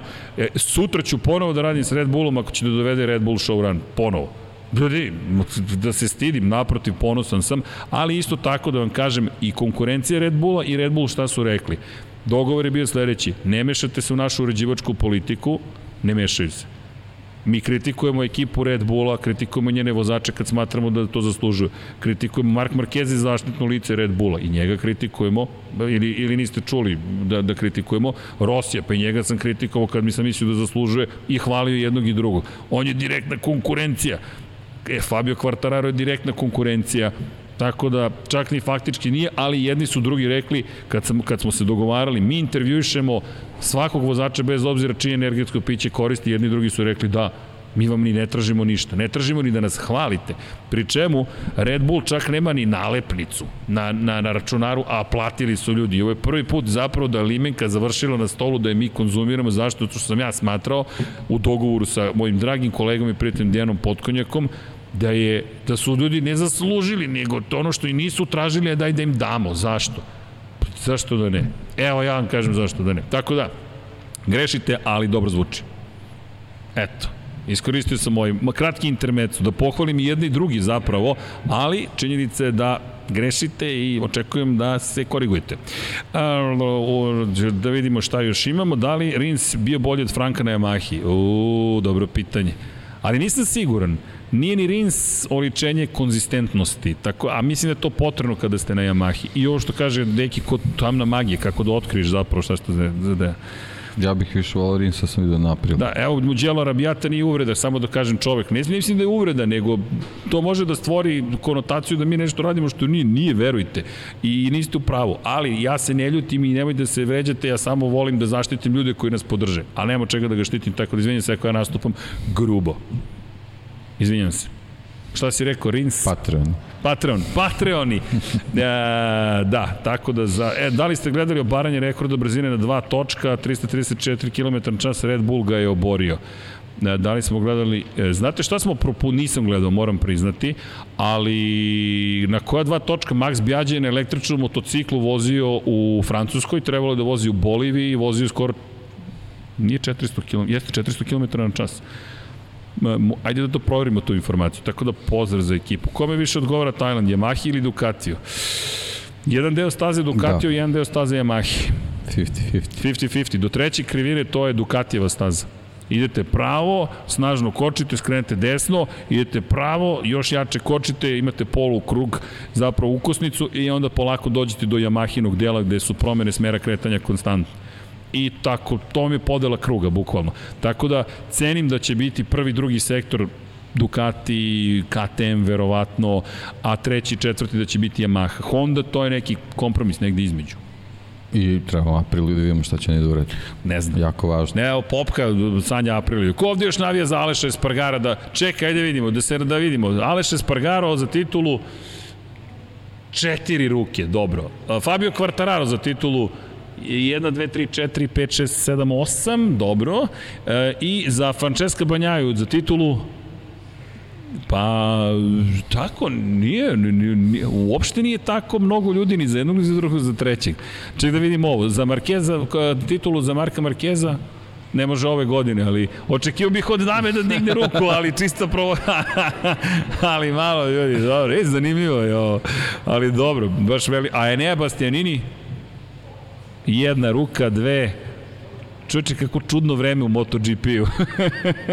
Neko je dva puta digao ruku. Neko je dva puta digao ruku, okej. Okay. Ko je za to da udarimo like za Lab 76? Niko nije podigao ruku. da, da, da, da, da, da. Ok, uh, treba da čitam Patreone. Odakle? Odakle? Pa, pff, nemam pojma odakle, nema ni struje u blizini. Ali, deki, uvek se mi snađemo. Uvek se snađemo kada se nađemo. Um, da ga. Dobro veče, mislim da je stiglo i obezbeđenje. Čekajte da vidimo. Da li imam ovde spisak članova? Nemam. A, a, mogu da dobijem vaš računar? Molim vas. A, sad ćemo to da organizujemo. Ajmo da iskoristimo priliku dok se ovde družimo. Ima neko neko želju da kaže, konstatuje, pita. Evo, koleginica... Kako, kako, kako?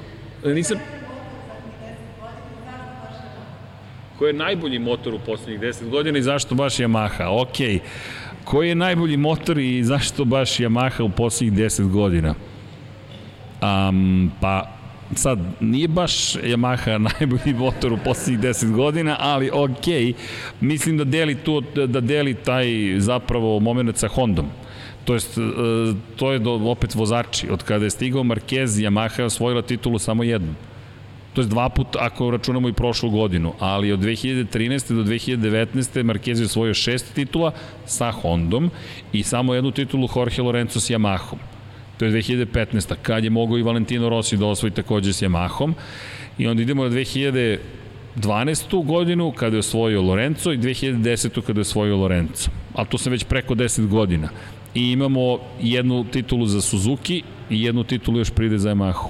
I Honda inače osvojila sa Casey Stonerom 2011. Tako da dobro pitanje, ali nisam siguran da postoji najbolji motocikl tako, ali rekao bih da znam za koga vi navijate, to je koji je omiljeni motocikl. Ali ne, nemam naš najbolji moto. Znate šta, zašto mi nije najbolja Yamaha? Zato što ako uzmete ovu knjigu Valentina Rosija, to je Meta Oaksley-a, istu priču ćete čitati od 2004. godine do 2021. godine. E, to je, tra, to je tragedija M jedinice. Ovo što vidite danas, mnogi kažu to i dalje je Rosijev motocikl. Jeste, to jeste problem. Dakle, da li je moguće da je motocikl koji je napravljen za 2004. sezonu osnova za motocikl koji se koristi 2022. U suštini mi pričamo o istim problemima. Bukvalno možete da uzmete rečenici iz ove knjige i nalepite potpisu Fabio Quartararo. Bukvalno. Dakle, iste su rečenice, identične. Naš motocikl je dobar tu, tu, tu i tu, ali nema snage na pravcima.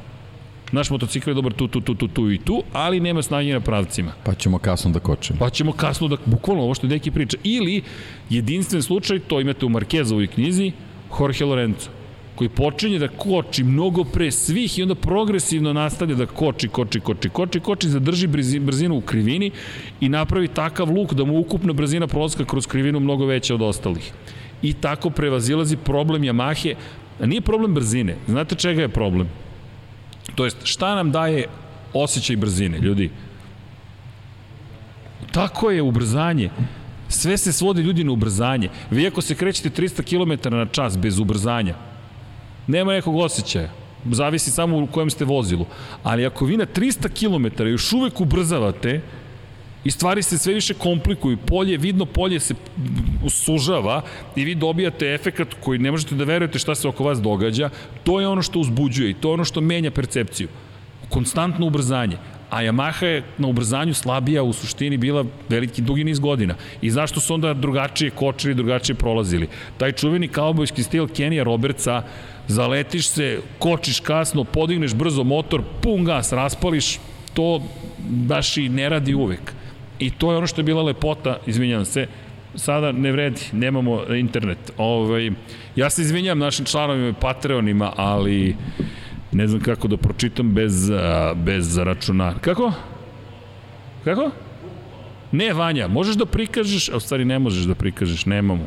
Pa možemo snimak da pustimo, da. Možemo da, snim, Da. pu- pustimo snimak. Čekajte, suviše... Da vežemo, ne? Um, pa ne, um, ne možemo da vežemo na YouTube, ali ajde ono, dajte, ono tvoje čitanje za minut od juče. dajte mi sekund da probam nešto ludački, ako, ako, ako mi dozvoljava publika, čisto da ispoštujemo naše pokrovitelje. Ajmo, vidi sad ovo, deki. Sad ćemo mi ovo da izvedemo nekako. Uh, dajte mi sekund, molim vas. Ja mi dajte sekund, nije baš sekund. Juče su mi dali minut, Sekund. nisam baš pročitao, nisam baš pročitao tom brzinom, ali ćemo to da izvedemo. Deki, pa molim te da ispoštujemo ljude. Um, pam, pam, pam, pam, pam, pam, pam. Um, da vidimo, o Face ID, Google Drive, uh, ča, ajmo na drugo mesto i da nađemo da, gde je to, aha, nemam spi, e, našao sam nešto, ajde, možda ovo može da pomogne. Sad ćemo mi to da sredimo, samo da učitam Patreon. Dakle, o, o, okej. E, sam odgovorio na pitanje, samo da proverim. Jesam, dobro. Ne, ne vidim najbolje zato što je toliko mrkli mrak da zaista ne vidim. Tu je mrkli mrak, jaka su svetla, ali... Deki, ili ima neko pitanje na četu da iskoristimo priliku da odgovorimo ljudima? Aha, pogrešan e-mail sam ukucao, dobro, ajde sada da pokušamo. Da vidimo. Ej, jao, verify this device.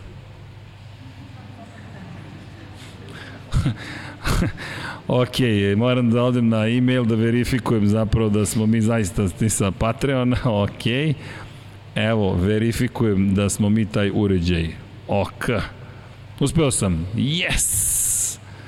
E sad da vidimo. Um, messages. Nećemo messages, nego ćemo da vidimo da li možemo da dođemo do... I tako. I tako. I tako nisam uspeo, ljudi, e, zapravo, ajde, ovo je novi pokušaj, ovo sad postaje već onako, traje, Ne, bolje da, da, da te proverimo koliko patrona znaš na pamet. koliko već Patreona čitao? znam na pamet. Da, Deki, zašto to radiš? Pa, evo sad mi Amba, palo na pamet. Dobro, okej. Um, um, koliko Patreona znam na pamet? Imali negde reprize Moto Grand Prix trke iz Valencije 2015. Mohamed Hajdar je pita. Ali Da. sa Srkijevim komentarom. Sa mojim komentarom, da li negde ima ta repriza, Mm, a stvarno nisam siguran. Pa mislim, negde u arhivama sport kluba postoji, ali ne znam da li, to, da li, će to stav, da li smeju da stavljaju na YouTube celu emisiju. To ćemo da proverimo. A, da dobijem poruku. Ili ima YouTube makar? A Patreon ne radi. Nešto se desilo sa... Pa daj meni Patreon čitava kao da je prazan skroz. A, mogu da dobijem, pa ajde da pročitamo bar nešto. Ljudi, izvinite za ovaj intermeco koji ničemu, ne znam, služi, ali služi da ispoštujemo ljude koji nas podržavaju. Ajmo ovako. E, e kažem još jednom koliki računar. Evo, sad ćemo mi to da sredimo. Idemo na studio, pa o, u celu priču. Ej, kako vam se inače, e, može komentar kako se dopada ovo što smo organizovali u kontekstu otvorenog studija? Jel vam okej? To! Čekaj, čak nisam ni tražio aplauz, hvala. Ne, ovo smo se stvarno potrudili da Malo sam ja juče loš bio u komunikaciji, ne zamerite, meni je pripalo to da obavestim sve šta se dešava, jedno sam rekao, ja, da, ja, trebalo ja to da uradim, i to se zna da se desi, jer tako godine stignu, ja, neki, evo znam sve na pamet YouTube članove, Nemanja Bračko, ma Maksi, šalim se, evo pokušat ću brzo da pročitam. Nemanja Bračko, prvo hvala vam, ne, ne, nećemo, ne možemo ovako, ovo, ovo nije u redu. Prvo hvala svima, zaista, što ste došli. Hvala svima koji su standardno na YouTube-u i, i u chatu i koji se javljate. Hvala svima koji nas lajkujete, to je lajkujete ono što radimo, koji ste članovi, koji ste subscriberi, hvala svima na Patreonu, bukvalno hvala svakom ko nam da kritiku, ide pozdrav za Rebijatu, nema problem što nas kritikujete, ako, del, ako emotivno reagujem, takav sam ljudi, o, ne, ne, krijem da sam emotivan. Zatim, svima koji nam daju i pohvale, svima koji nam kažu šta treba bolje da radimo, šta dobro radimo, svakome ko, ne znam, došao je, kupio knjige, čita, bilo šta radi, svakome ko gleda MotoGP, čak i ako nema nikakvu interakciju sa nama, to nema veze, samo uživajte u životu, radite lepe stvari, naravno mazite se i pazite se i vodite i, i vozite računa jednim drugima. Za svako dete UNICEF je tu ekipa 9656 ko želi može da donira svakog meseca 200 ili 500 dinara. Pošaljite poruku na 30-30, ne morate čak ni to, uradite nešto pozitivno od danas, sutra, preko sutra, kažem, idite na Dramio, eto vam preporuka, ne knjiga, nego YouTube kanal. Meni je to super kanal, lepa je muzika, gledate neke neverovatne ljude, kako rade jedan predivan posao, kako snimaju, super mi je bio moment kada, ne znam, pokušavaju iz prvog da, da sviraju Enter Sandman, na primjer, to, to mi je baš bilo dobro, pa eto, čisto da, da, da vam kažem. Možete Sugarfoot Mofeta da saslušate kako je svirao za, za Michael Jacksona. Opa, deki, pratimo. Da, Dobro, pratimo, pratimo. pratimo. Ali u svakom slučaju stvarno i mislim da imate šta da vidite. Ne, ne znam, ja sam pre par dana Larnela Luisa slušao kako sluša jednom Enter Sandman i onda svira i sam. Ima tu par momenta gde je da promenio stvari. Zašto vam to govorim? Ne bavim se bubnjevima, nemam nikakve veze sa bubnjevima, ali znate kada vas neko inspiriše i Larnel Luis koji je na kraju tog videa rekao Nevažno je koju formu muzike slušate, lepota je u šarenolikosti. Uživajte, nemojte, i to je, da, evo, moja poruka za večeras, nemojte da dozvolite da vas iko stavi u kutiju, da vas ograniči, da vam kaže ovo su vaše mogućnosti. Možda ne možemo sve, možda ne mogu da budem centar u NBA ligi, dakle, banal, da ne banalizujemo to sve možeš. Ne mogu sve, nažalost, ali ne mogu. Ne mogu da stanemo bolid, čisto da znate. E, ozbiljno vam kažem, RB7 mogao sam da sednem i da bukvalno dobijem i volan i rekli su mi možeš da uđeš ali ne mogu, te, te, da budem precizniji, smem da uđem, ali ne mogu. Niti po dužini, što bi rekao Mirko Topalović, niti mogu da uđem ja, po širini. Da mogu da zakucam. Ne, deki, to je sad već, to je sad već nestašno. Nekad se približavalo tome, ali, ali više ne. I to je poenta. Dakle, uradite nešto poenta, nešto zabavno, nemam pojma, nađite neki još novi kanal o nečim, nekim novim temama, mislim da će to biti zaista lepo. Kupite Evo, bubnjeve. Kupite bubnjeve. Ko, ej, neko svira tamo u bloku 21, imam svoje mesto za pije, ispijanje kafe gde se sakrim kada je pauza, kad tamo kod šest kaplara, sednem i uvijek je tišina i, i subota posle kvalifikacija kreće. Bum, cs, bum, bum, bum, bum, i očigledno nikad nisam sedu 10 ujutru, mislim se ok, komši sigurno ne misle da je ovo tiho i mirno mesto, ali nema veze, neka dete muči da svira bubnjeve, nadam se. Elem, hvala svim, dakle svima koji ste ovde, ali ja ću da pročitam imena članova, dakle, Nemanja Bračko, Maksi, Mensur Kurtogić, Galeksić, Nemanja Krstović, Milan Bačić, Uroš Čuturilo, Alin Jesenović, Nikor 24, Igor Ninić, Igor Ilić, Žarko Jovanović, Marko Bogovac, Voča Pero, Marko Stojilković, Vladan Đurić, korespondent, korespondent, Kosta Berić, Marakoš, Zlatko Marić, Milan Krežić, Aleks Vulović, Nemanja Cimbaljić, Bojan Pejković, Koja 7, Almir Vuk, Resničanin, Petar Bijelić, Kro Robi 0-0, Pavle Lukić, imamo uh, društvo i dalje, dakle nije sve prazno, Nikola Božović, Milorad Reljić, Andreja David, Nenad Lukić, Saša Stevanović, Toni Soni 76, Nikola Niksi, Branko Rašević, Nikola Grđan, Miloš Tanimirović, Vukašin Felbo, Bakadu, Bojan Gitarić, Ivan Magdanović, Ivan Vujasinović, Tatjana Lemajić, Veselin Vukićević, Branislav Dević, Vukašin Vučenović, Almedin Ahmetović, Nemanja Labović, Miloš Zed, LFC, Nikola Kojić, Nemanja Miloradović, Zvonimir Papić, Marina, Vlada Ivanović, Oliver Nikolić, Andrej Todorović, Jelena Jermić, Aleksandar Nikolić, Luka Skok, Nemanja, Bojan Markov i Danilo Petrović i da pokušamo nekako da, is, da na Patreonu nešto uradimo za kraj, a ako ne uspemo, pa ljudi, dali smo sve od sebe, neću da izgovorim ono što ja nešto da pročitam dok ti tražiš. Hoću naravno. 534 glasa u anketi. Dobro. Da li ste očekivali da Jack Miller pobedi po suvom? I? 24% da, 76% ne.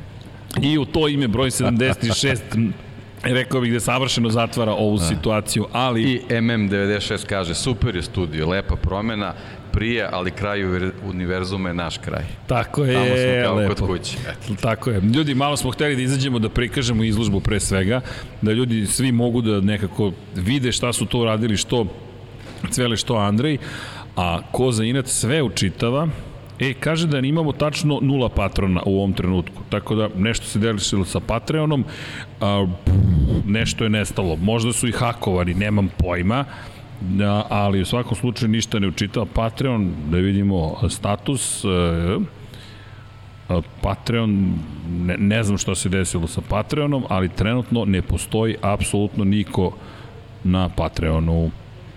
Okej, Rešavat ćemo, ljudi, ne zamerite još jednom, pokušali smo zaista sve da učinimo, ali slučaju. ni sa jedne strane, ali da, piše da nema, da nema više ni jednog člana. A mi znamo da imamo. Nigde. Ali mi znamo da ih imamo i da ste sa nama još uvek i hvala vam na tome. Ljudi, da se polako i sigurno pozdravljamo. Deki, imaš ti neku poruku? Hvala što ste bili s nama, hvala svima koji su nas uživo pratili, znam da je bilo prilike da bi došli ovde, nema veze, organizovat ćemo nešto drugo. Hvala svima koji su došli da vide u izložbu, hvala Andreju, hvala Milošu što su nam omogućili da napravimo ovu izložbu, hvala drugarima iz Infinitija takođe koji su baš onako uložili ogroman napor da ovo sve realizujemo. Svi zajedno. Bilo je super zaista, ja sam uživao sve ovo vreme dok je bila izložba, uživao sam u ovim podcastima, eto, nadam se da će biti prilike da organizujemo nešto slično, zato što znam da nikad ne radimo iste stvari, nego uvek nešto drugačije, tako da ko zna šta nas već od sutra čeka. Da, a i kada isto verujete drugačije, a ja ću vas zamoliti, zaista ovo nije onaj moment, tajmo da samo aplaudiramo. Kratka priča, vrlo kratka zaista. Deki na ome radi godinama. Dakle, dve godine su možda realizacija ovoga, ali kada reč o mislima i Dekijev izraz lica na otvaranju, ako je nekad bio dete, ponovo, to je svakako bilo tada Deki je stalno dete, iako izgleda ozbiljnije, ali u četvrtak prošle nedelje je zaista bio onaj moment, ja mislim da ako smo te dobro pročitali, Pa ne, ja sam rekao i na otvaranju, stvarno, mislim, ja sam ono uz ove slike lako izračunati godinu, prvo na paraleli, ovaj, ja sam uz ove slike zaista dosta učio o Formuli 1, a eto kasnije sam imao prilike da, da sa Andrejom prođem neke, neke situacije koje su ovaj, dostigli vrhunac time što on osvojio nagradu za najbolju fotografiju na svetu. Prošle godine. U, u kategoriji akcionog sporta. I na svetu. Govorimo da. o čuvenoj fotografiji točak da. Red Bulla Maxa Verstappena na glavi Tako kad dobiš priliku da spojiš te neke dve, ovaj, da kažem čak i krajnosti, pritom to su ljudi koji su koji se međusobno poznaju, koji su prijatelji, onda ti dobiješ još priliku da ih dodatno povežeš, onda stvarno mislim da nema lepše stvari od te, zaista. Ljudi, u to ime, dve stvari. Ćemo jedan veliki aplauz za ovog gospodina ovde, zato što je zaslužio. Hvala Absolutno. Ne, ne, zaslužio si, jer ovo je, ovo je, ovo je tvoje delo. Dakle, ovo je Deki smislio. I zaslužio si zaista i naravno znate već e, standardno šta ćemo da uradimo sada, hoćemo na 1, 2, 3. Jel treba da vežbamo? Ja mislim da ne treba. Ljudi, 1, 2, 3. Ćao, Ćao svima! svima!